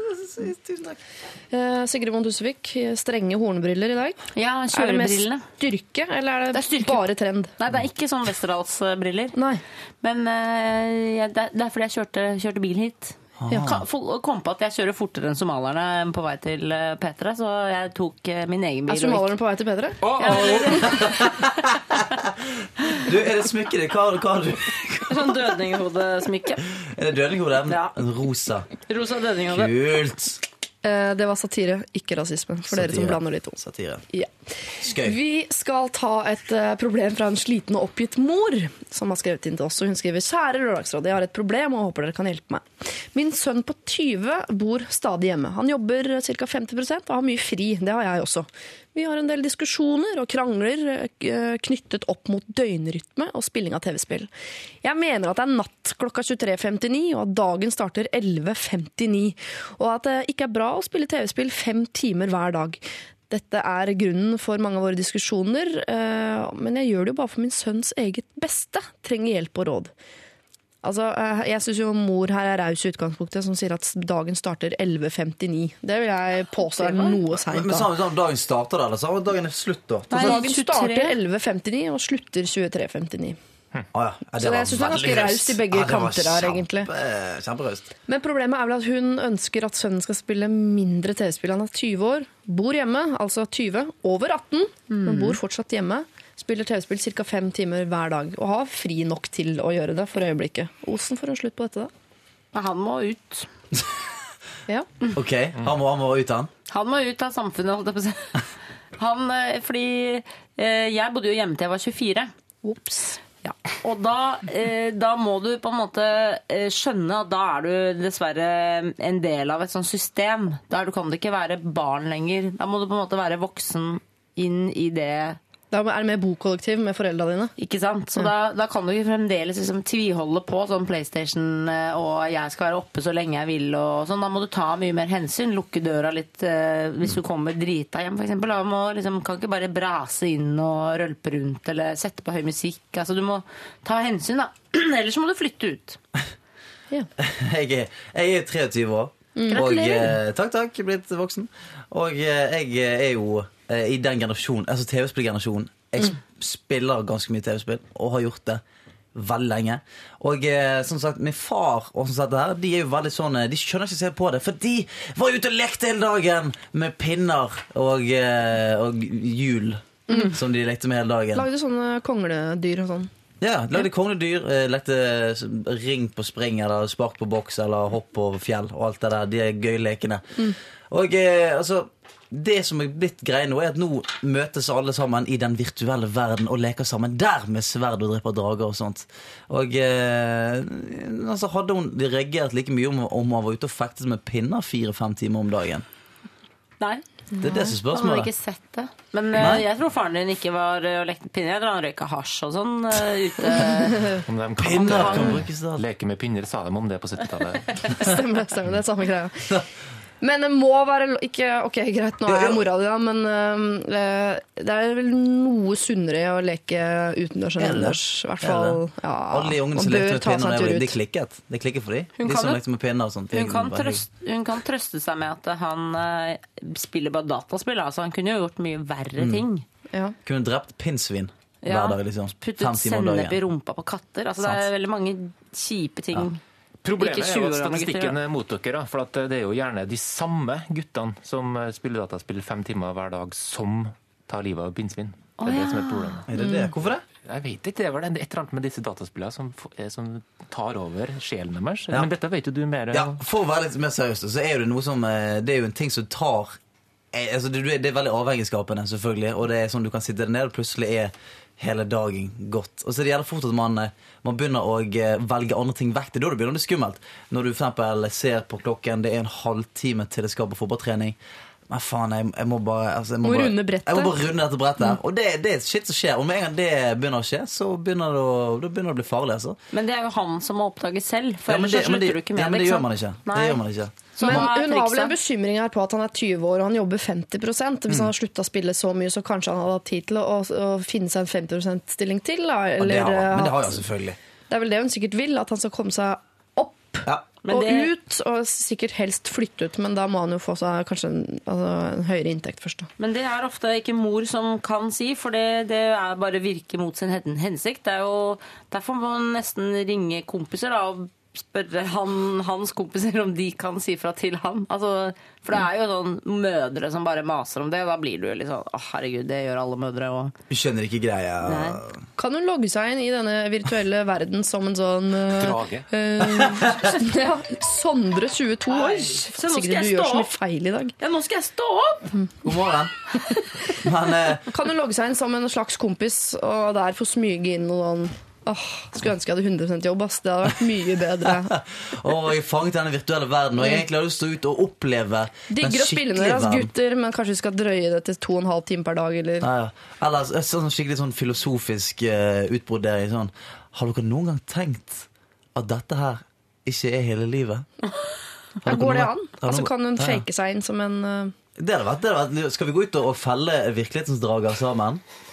Men hvorfor skal hun være nødt til å gjøre det? Er, det? er den tida forbi at mødre kunne si til barna sine nå får du faen meg skjerpe deg og klippe håret og få deg jobb? Det mener jeg at mødre har lov til å si når de har 20 år gamle barn som sitter fem timer om dagen og spiller dataspill. Men ja. problemet er at 20 år gamle barn ikke gjør noe med det. Nei, men Fordelen er jo den at da er jo mora som sitter på maktmidlene. Da kan hun si Hun trenger ikke drive og gnage og mase, men hun kan si slik og sånn er reglementet, dette er mitt hus osv. Finn, finn et annet, annet sted hvis du skal sitte og råtne bort som en annen plante. Enig. Man kan kaste ut barna sine, ikke sant? Ja, visst Selv om det er dine egne barn. Kan man kaste dem ut? heter det. Ja. Det var veldig vanlig før i tida. Ja.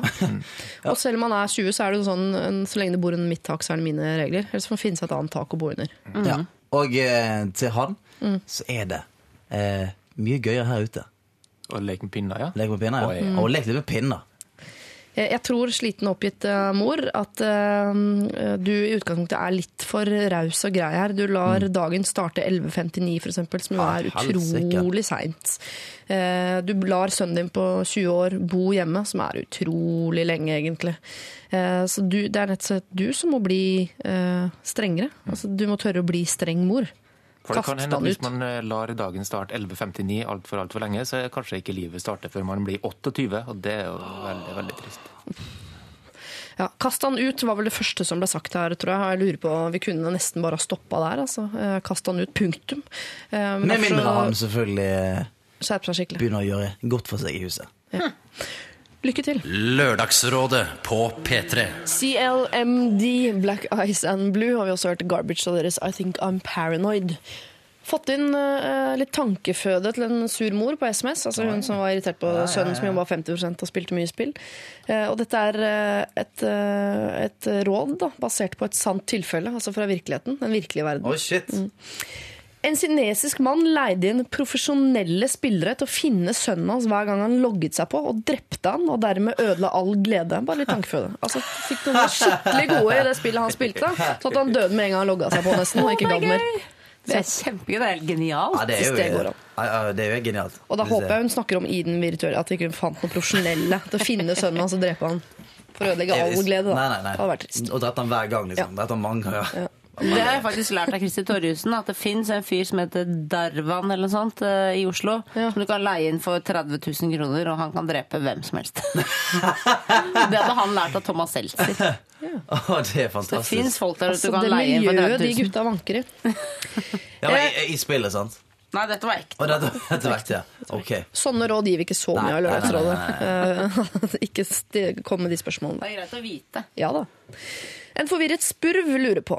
Hei, godtfolk. 28 år gammel har jeg blitt, eh, blitt nå. og Jeg må krysse av i eh, boksen for enslig. Nå har jeg imidlertid møtt en magisk hyggelig fyr, og hva er så problemet? Jo, han er redd for meg.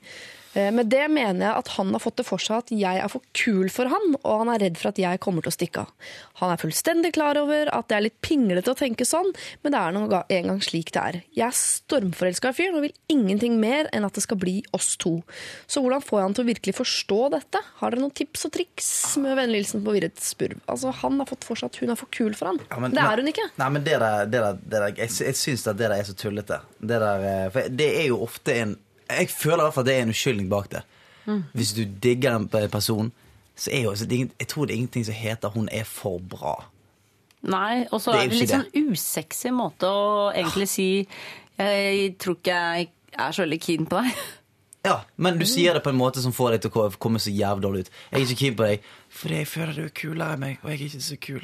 Ja, det er så teit å si. Ja, ja. Det, det, det er den gode gamle. Det er ikke deg. Det er meg. Og problemet er jo at hun blir bare mer keen, for hun får jo ikke han. Så det er jo veldig sånn feil måte også å si det på. Ah, Man må jo aldri si 'jeg tror ikke vi skal bli sammen fordi du er for kul for meg', for da blir jo hun helt Ah. eh, Hun er jo i hvert fall for sånn, kul for han, tydeligvis, for han er døv som sier sånne ting. Nei, det, jeg, jeg, jeg sier det er, en, det er en dårlig unnskyldning for å ikke være interessert. Sier jeg. Så dere tror ikke på denne gutten, Nei. dere? Han er ikke interessert i Nei, han er konfliktsky. Jævla Ja, det tror jeg. Det er den gode gamle 'det er ikke deg, det, det er meg'. Jeg vet synes så slemt. Jeg er Ja. ikke helt sikker på det. For jeg, altså, man kan jo uh, kjenne seg igjen i det at man uh, har møtt en som tenker sånn dette, 'Hvorfor liker du meg?' Altså, det fins jo usikre folk der ute som, som absolutt vil være i stand til å tenke sånn Jo, er jo Dette tror jeg ikke noe på. Hun kan jo få hvem som helst. og for all verden er hun sammen med meg? Okay. Og så har han vært ærlig på det, da. Men som sagt, hun jo viser at hun er stormforelsket i han, og har altså, forhåpentligvis gitt uttrykk for at hun har bare lyst til å være med han. Ja. Og da er det, det er veldig rart å fornekte det. Nei, men jeg, ikke, jeg tror ikke det helt, altså. Det, det Men kan, men kan hende han bli, er redd for å bli såra, da? At han er kanskje såra av andre jenter som eh, han har tenkt sånn Ok, men kanskje det var fordi hun var for kul for meg, og jeg viser Fordi det kan hende at han vet at han er skikkelig nerd når det kommer til stykket. Og at ja. han blir ofte avslørt på det etter hvert. Han virker liksom hyggelig og sosial, og sånn, så er han egentlig en litt sånn fyr som folk sier sånn Herregud, jeg trodde du var helt annerledes. Det kan hende. Ja. Nei, men Ja, eh, kan, hun høres jo litt kul ut. Hun bruker setninger som 'jeg må krysse av i boksen', enslig. Altså, hun er jo en kul Spurv, dame, da. sant? Ja. Kjapp liten fugl. Kanskje han er en litt sånn uh, mer annerledes øh, type? At det er noe i det? At hun rett og slett øh, sånn på papiret er litt kulere enn han? Kanskje han er mer en dompapp. Men det kan Ja. da umulig være negativt. Jeg skjønner ikke dette. Dette er vanskelig. Men eh, ikke bare legge ned loven og bare si det at eh, Si som hun sier her. Jeg er hodestups forelsket i deg. Du er ikke for kul for meg. Gi deg. Let's get, let's get it on, som Marvin Gaye ville sagt det. Ja. Ja, ja. Og så, kommer, så, så klapper han, kuk, så går lyset av, og så kommer han down, down, down, down, Ikke begynn å synge igjen. down. Feeling right, baby. Let's get it on, on. Jeg- jeg synes det. Syns det virker veldig rart at uh, han uh, bruker det. Jeg, jeg mener det er en unnskyldning Jeg er enig, for et eller annet. Hva sier jeg du, Jørgen? Jeg forstår ikke, jeg skjønner ikke problemet. Hvordan, vei- hva går det an for definisjon? På hva da? For På hva hva kul er?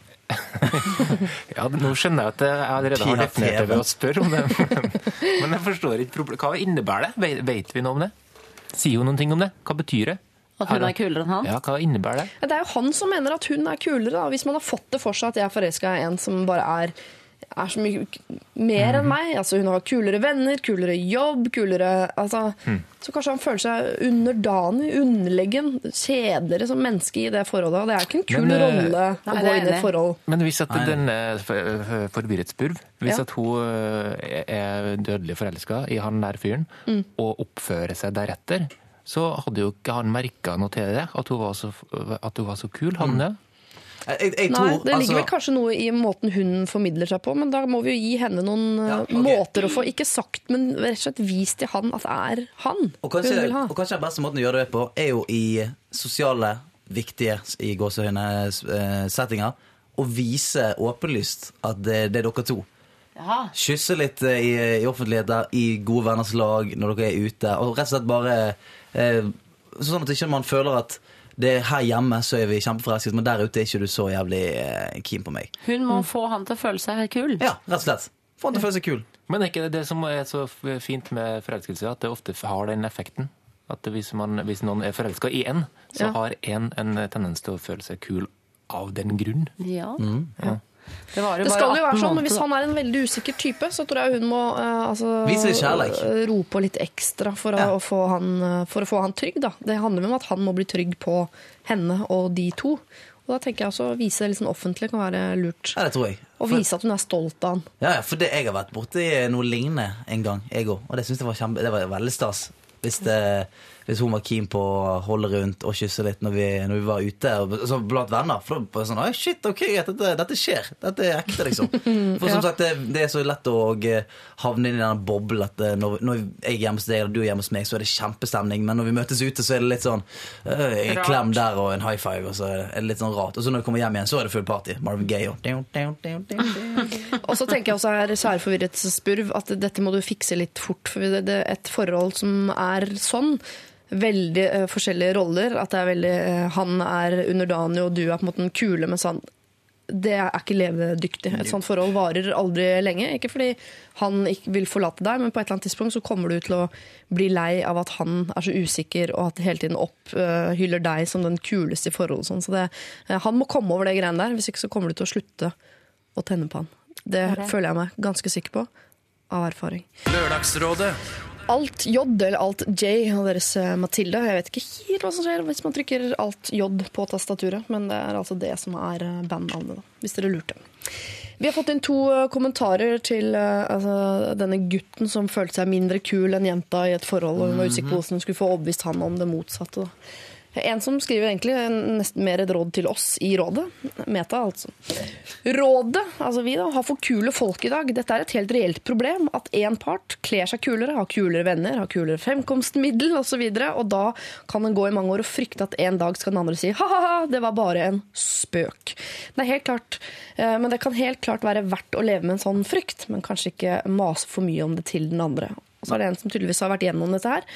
Råd til hun som er for kul, styr unna. Har vært i et lengre forhold med en som starta forholdet med å si tilsvarende, og han var usikker gjennom hele forholdet. Han var sikker på at det kom til å bli slutt hele tiden, og trengte bekreftelse. Slitsomt.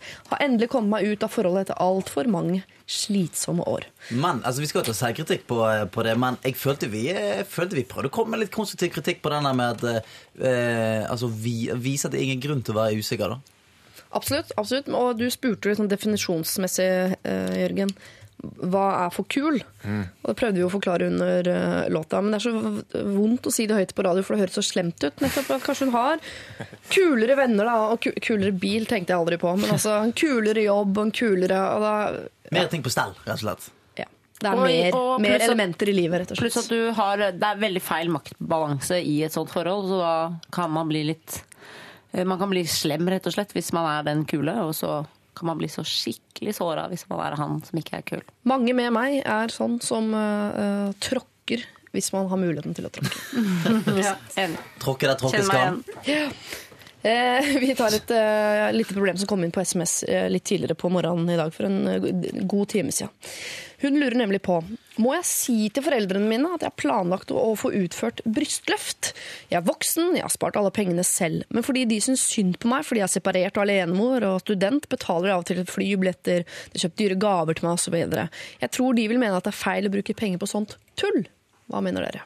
Altså ikke om det er feil å bruke penger på sånt tull, men om eh, hun må si ifra at hun har tenkt til å løfte brystene. Jeg hadde ikke sagt fra i det hele tatt, fordi det høres skikkelig døvt ut hvis foreldrene dine har vært der kjempegreie mot deg og gitt deg sydenturer og, øh, og liksom Her har du en 200-lapp og håper du klarer deg, liksom, og du er alenemor, og så skal du løfte opp brøda. Det er jo helt ego eh, egotripp. Og jeg mener at selvfølgelig skal du få lov til å løfte opp bra, Ja, visst. Men du må ikke si det til foreldrene dine, for det høres jo altså det, det, er jo det er jo en skjønnhetsoperasjon som uh, sikkert er bra. Altså, bortsett fra hvis det er såpass tunge brød at du får den fra staten. da. Vil du få prøve det? Kan man få tunge brød fra staten? nei, ja, Ja, man kan kan få det. Det kan løfting man. av brød fra Eller staten. Man det? fiksing av brød, rett og slett. Ja. Fiksing av brød. Ja. Hvis du er god og nave, så får du det til. Men og så har du, altså, hvis du sier det til dine foreldre, hvis du sier det til mor, for eksempel, så sitter hun selvfølgelig i alle kaffeslabberas de neste ukene og sier sånn Ja, ja, ja, Ki- Kirsten skal løfte brød. Og så får du telefon og på Facebook-status og Hei, hørte du skal løfte brødene dine. Og så blir det sånn talk of the town. Og du vil ikke at eh, talk of the town skal være dine hengete bryster og, eh, og din påfølgende oppløfting. Men uh, syns, dere, syns dere det er egoistisk av henne? Fordi altså, Hvis hun har råd til å eh, løfte puppene, da, så hadde hun jo kanskje hatt eh, råd til å kjøpe de flybillettene selv. Da. Ikke sant? Så det kan hun ikke si. Ja, men jeg, jeg føler ikke det er sagt her at hun har bedt de kjøpe det. Det virker som de er litt sånn Nei, ta deg en tur. Ja, men de må på en måte en eller annen måte vite at hun har dårlig råd, sånn at de har gitt henne det forbarmet seg over henne og gitt henne ting og tenkt at eh, stakkars, du har det ikke så lett, så vi vil gjerne hjelpe deg. Og så plutselig kommer du der med Slenger brøda i bordet. Ja, det går ikke. At Grunnen til at hun har vært blakk, er fordi hun har spart det. Vet ikke hva det koster å løfte brystene. Det koster 30 sikkert 30 000, ja. Det tenker jeg. Det visste du. Men eh, Mellom 20 og 50 000 vil Jeg jeg. har løftet, Siden jeg har dere- løftet mine bryster, så jeg vet hva siden i hvert fall Stian og Sigrid tydeligvis kan så mye om brystløft, er det en penere måte å si silikon på? Altså, eller handler det Nei, om bare nei, for- Skal ikke sprøyte i noe, skal Altså, bare løfte opp? brystløft er vel mer sånn eh, altså, booby shaping. Er det vel Det er vel ikke mer eh, injisering. Det er Nei, jeg tror ikke jeg er shaping. Det er shaping. Så det er ikke Det er sikkert det vil ansiktsløfting, Ja, synes. Altså, kommer far til å kommentere sånn Jøss, er ikke puppene dine høyere opp nå enn sist du var her? Nei, jeg tror ikke det kommer til å synes. Med mindre du har en veldig sånn grafsete familie, så tror du er safe. Med mindre fatter'n er sånn Oi, oi, hei, kjenn på de, da! De var jo kjemperare. Da Da bør du si fra til noen. har jeg ikke noe råd. Men eh, Men nei, altså, vi konkluderer med et nei. Trenger ikke si fra til foreldrene. Nei, det må du ikke gjøre. Fordi det er for uh, dust å gjøre. Og hvis du har søsken, så hadde jeg som søsken klikka. Hvis liksom eh, du har fått mer enn meg eh, som søsken fordi foreldrene mine har liksom tenkt at du har mindre Eller du har mindre å rutte med, og så plutselig unner du deg liksom det. Det aller, aller lureste er å ikke gjøre det, for da slipper man å fortelle foreldrene sine at man har gjort det. Jeg er enig. å bruke pengene du har spart til brystløft rett og slett på flybilletter og dyre gaver til seg selv? Eller noe helt annet. Gjør det. Unn deg. Unn deg noen høye pupper. Unn deg et par høye pupper. par høye pupper. Her er det sprikende råd, eh, vil jeg påpeke. Eh, Noen mener at du kan selvfølgelig unne deg et par høye pupper. Eh, Du kan også sjekke om Nav eh, sponser tunge bryster. Eh, Ellers da kan du være- la det det være- hele være. Men uansett, da, så er det vel ingen som mener at du trenger å si noe til foreldrene dine, for de kommer til å bli utrolig sure. Men uh, vi slenger også med i potten der at da får du også la være å si noe til uh, søsken, hvis du er så heldig å ha det, da. Lørdagsrådet. Stakkar Bruno Mars. 'Locked out of heaven' var han, da. Men det høres jo ut, hvis man hører nærmere på teksten, vet jeg at du ikke gjør, Sigrid Bonde Tusvik, så virker det som om han eh, har vært locked out of heaven ganske lenge, men nå er han på innsiden. Og det, også her synges det om sex. Som Å, ja. vi låter flest, da. Jeg velger bare å høre det gøyeste i sangen, jeg, og så lar jeg det være sangen for meg. Hva er det der eh, Nei. i bakgrunnen? Og så her er det den Sex, Sex takes me to paradise Ja, når han plutselig blir Jamaican. Da blir det. Jeg det, da er det det Da er det det som er sangen for meg. Jeg vet du er fra Hawaii, Bruno Mars, og det er nødøy og sånn, men du er ikke fra Jamaica. Jeg skal roe ned litt på den der eh, Admiral P-syngingen der, så sier jeg da. Men eh, nok om det. Ja. Eh, Snakk litt om meg. Nei, vi snakker ikke mer om det. Eh, Det er en her eh, på 19 år som har et helt sånn praktisk problem i forhold til svigers. Så eh, man må sette seg litt tilbake i tid. Hei, hei på dere. Jeg har nå vært sammen med min kjæreste i litt over et år, og alt er relativt fint og flott. Han bor hjemme med sine foreldre, søsken og en vill kjøter av et lite hundedyr. Hunden går bananas hvis man ringer på. Jeg lurer da på om jeg har lov til å bare smyge meg inn, si hallo og redusere da mengden bjeffing, eller om jeg må være høflig og ringe på. Nå skal det sies at vi bor i samme by, så jeg begynner å bli relativt husvarm. Jeg har gjort det før, og faren virker noe brydd med min usjenerte entré. Men nå skal det sies at han virker en smule brydd med hele min tilværelse. Så kjære råd, hva skal jeg gjøre? Jeg og kjæresten er 19 år, om det er av betydning. Altså, hun har en kjæreste. Hun går, kan hun gå rett inn? Eller må hun ringe på? Hun da, her har hun egentlig valg mellom å plage bissa som bjeffer, eller fattern som skuler. Hun kan ikke bare gå rett inn. Nei. Nei, det er irriterende. Syns du det? Å ringe på. Jeg er nysgjerrig på Bergen versus Trondheim. Du, altså, Trønderen blant oss, uh, Jørgen. Ja, ja. Der føler jeg man går rett inn. At man gjør det Altså, generelt. generelt, egentlig. Ja. Ja. Ikke rett inn, man går via låven. Ikke rett inn i dagligstua. Okay. Nei, vi er ja. og innom stabburet en liten tur. Jeg vet ikke om det er sånne forskjeller, men det har jo helt med hva slags tone de har å gjøre. Man, Ja. kan, eh, man kan ikke gå rett inn til folk hvis man ikke kjenner dem så veldig godt, for da er det et innbrudd.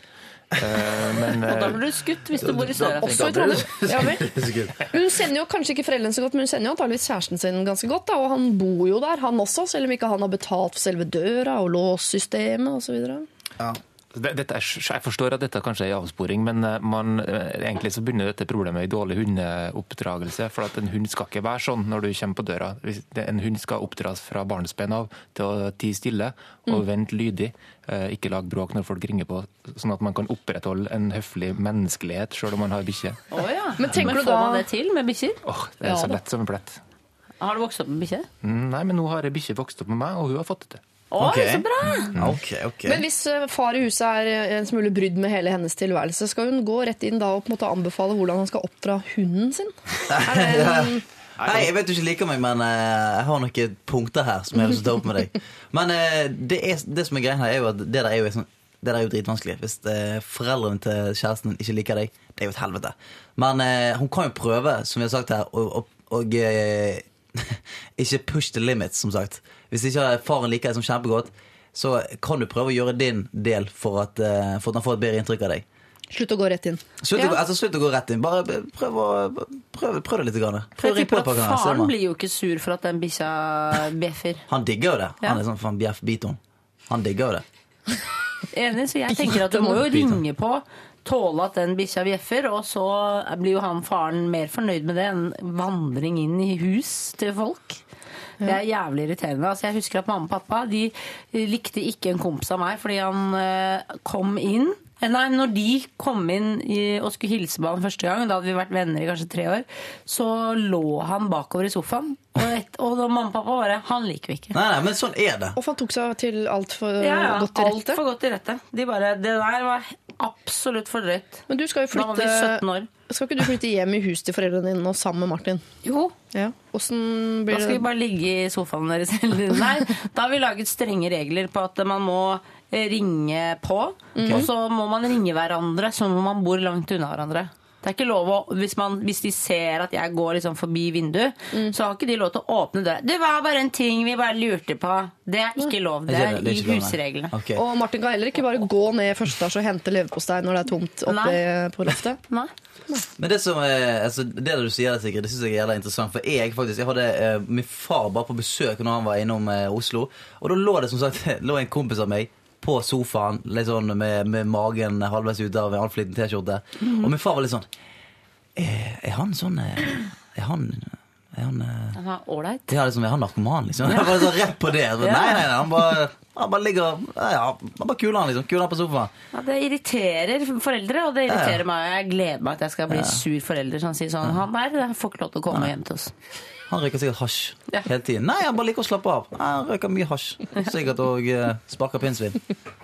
Men eh, eh, som sagt, jeg tripper det der greiene der. Det er liksom, en mann er jo liksom eh, I hvert fall sånn litt gammeldagse fedre. De er jo liksom herren i huset. Det handler, om, eh, det handler litt om respekt, hele greien. Så jeg tror, du, jeg tror man bare respekterer at han er, er litt sånn territorisk over sitt eh, eget hjem. Og er litt sånn av gamle skolen. Vær litt høflig og eh, introdusere dem på, på, på gammeldags vis. Hei, jeg heter ditt og datt. Og vise litt eh, vise respekt for de eldre. Det er gøy å presentere seg hver gang. Hei, jeg heter Jeg har Sofie, vært sammen med sønnen din i ett år. Vet ikke om du husker meg. Jeg var her i går. Da ringte jeg ikke på, det gjorde jeg i dag. Jeg vet ikke om du Vis okay. respekt for de eldre, altså. Ja. Du hørte det først på P3. På Mor i Av Ring på, hører jeg egentlig. Altså, du er nødt til å ringe på. Hvis det er sånn at uh, svigerfar i utgangspunktet er brydd med hele greia, så må du i hvert fall ikke fortsette å la være. Da må du ringe på, oppføre deg ordentlig i hans øyne. Og så får, Det virker jo ikke som det er noen andre som har problemer med at en hund bjeffer. Det er jo far i huset som antageligvis har da oppdratt skråtrekk ikke oppdratt den hunden.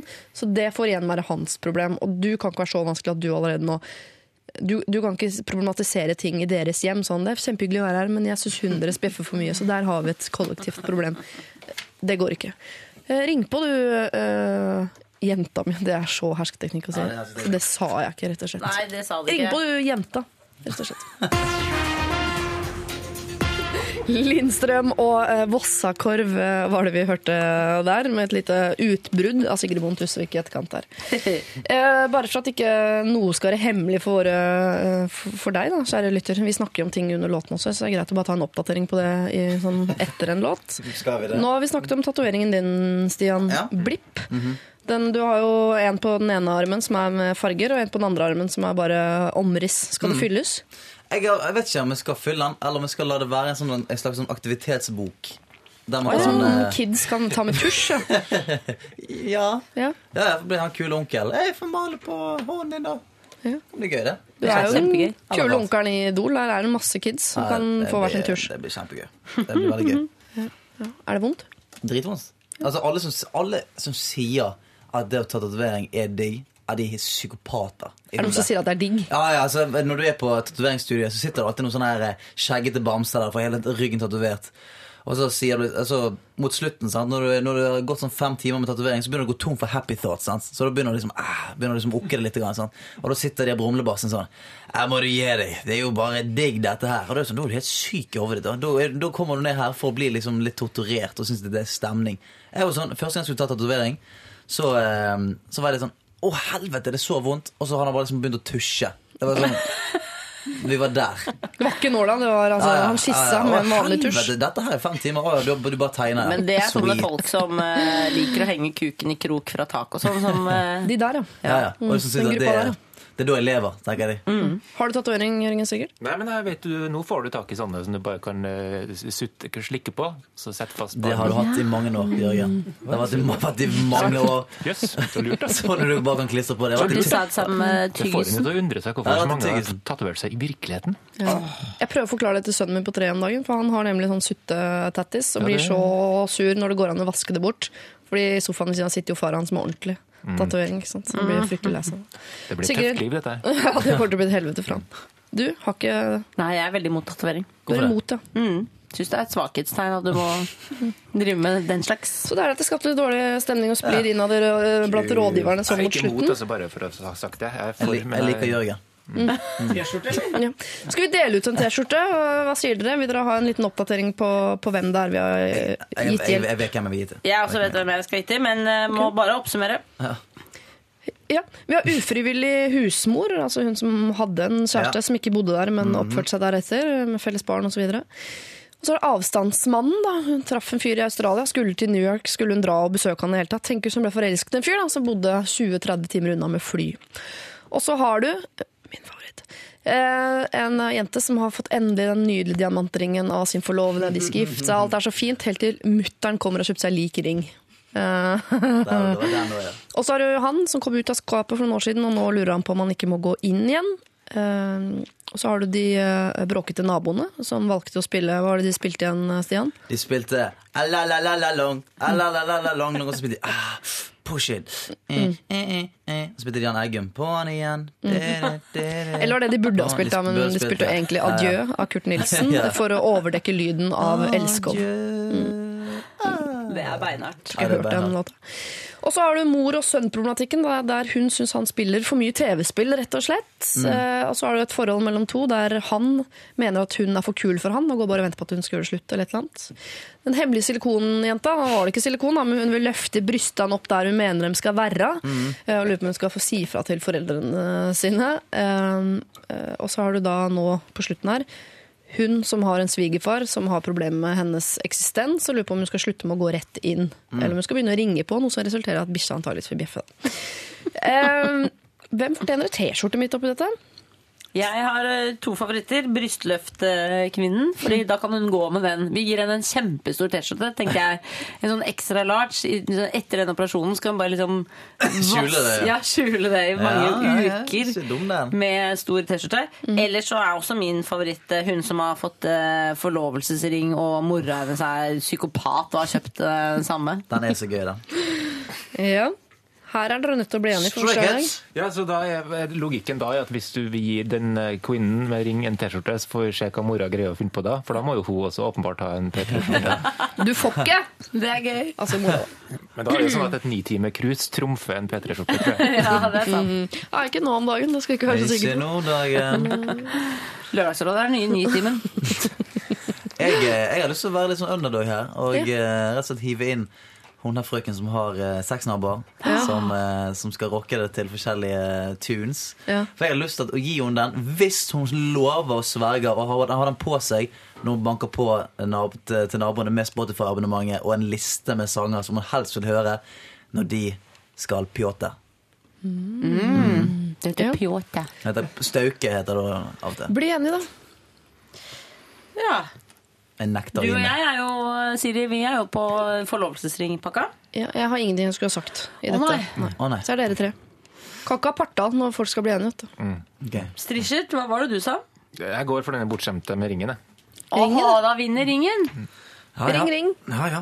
Da får du ta grep om det Du, elskende jeg, paret jeg stjeler en P3T-skjorte, så gir jeg den til henne. Det er greit. Fins sikkert noen Idol-T-skjorter et eller annet sted og på et nedstøva lager, vil jeg tro.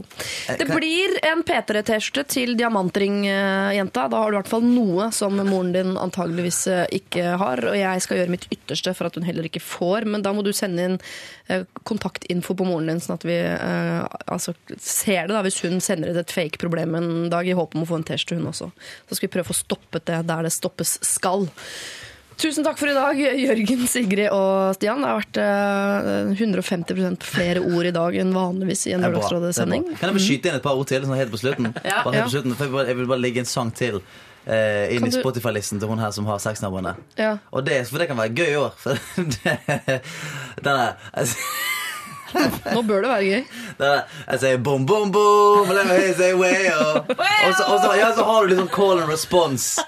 For du vet, du vet når han sier bom, bom, bom, så smekker han bom, bom, bom, og så sier hun dame hei. Det er gøy. Du hører på Lørdagsrådet med Siri Kristiansen. Nesten rådgiver blitt, hun Susanne Sundfør, med i Lørdagsrådet for andre gang i dag. Først sammen med Røyksopp, og her hørte du da Walls.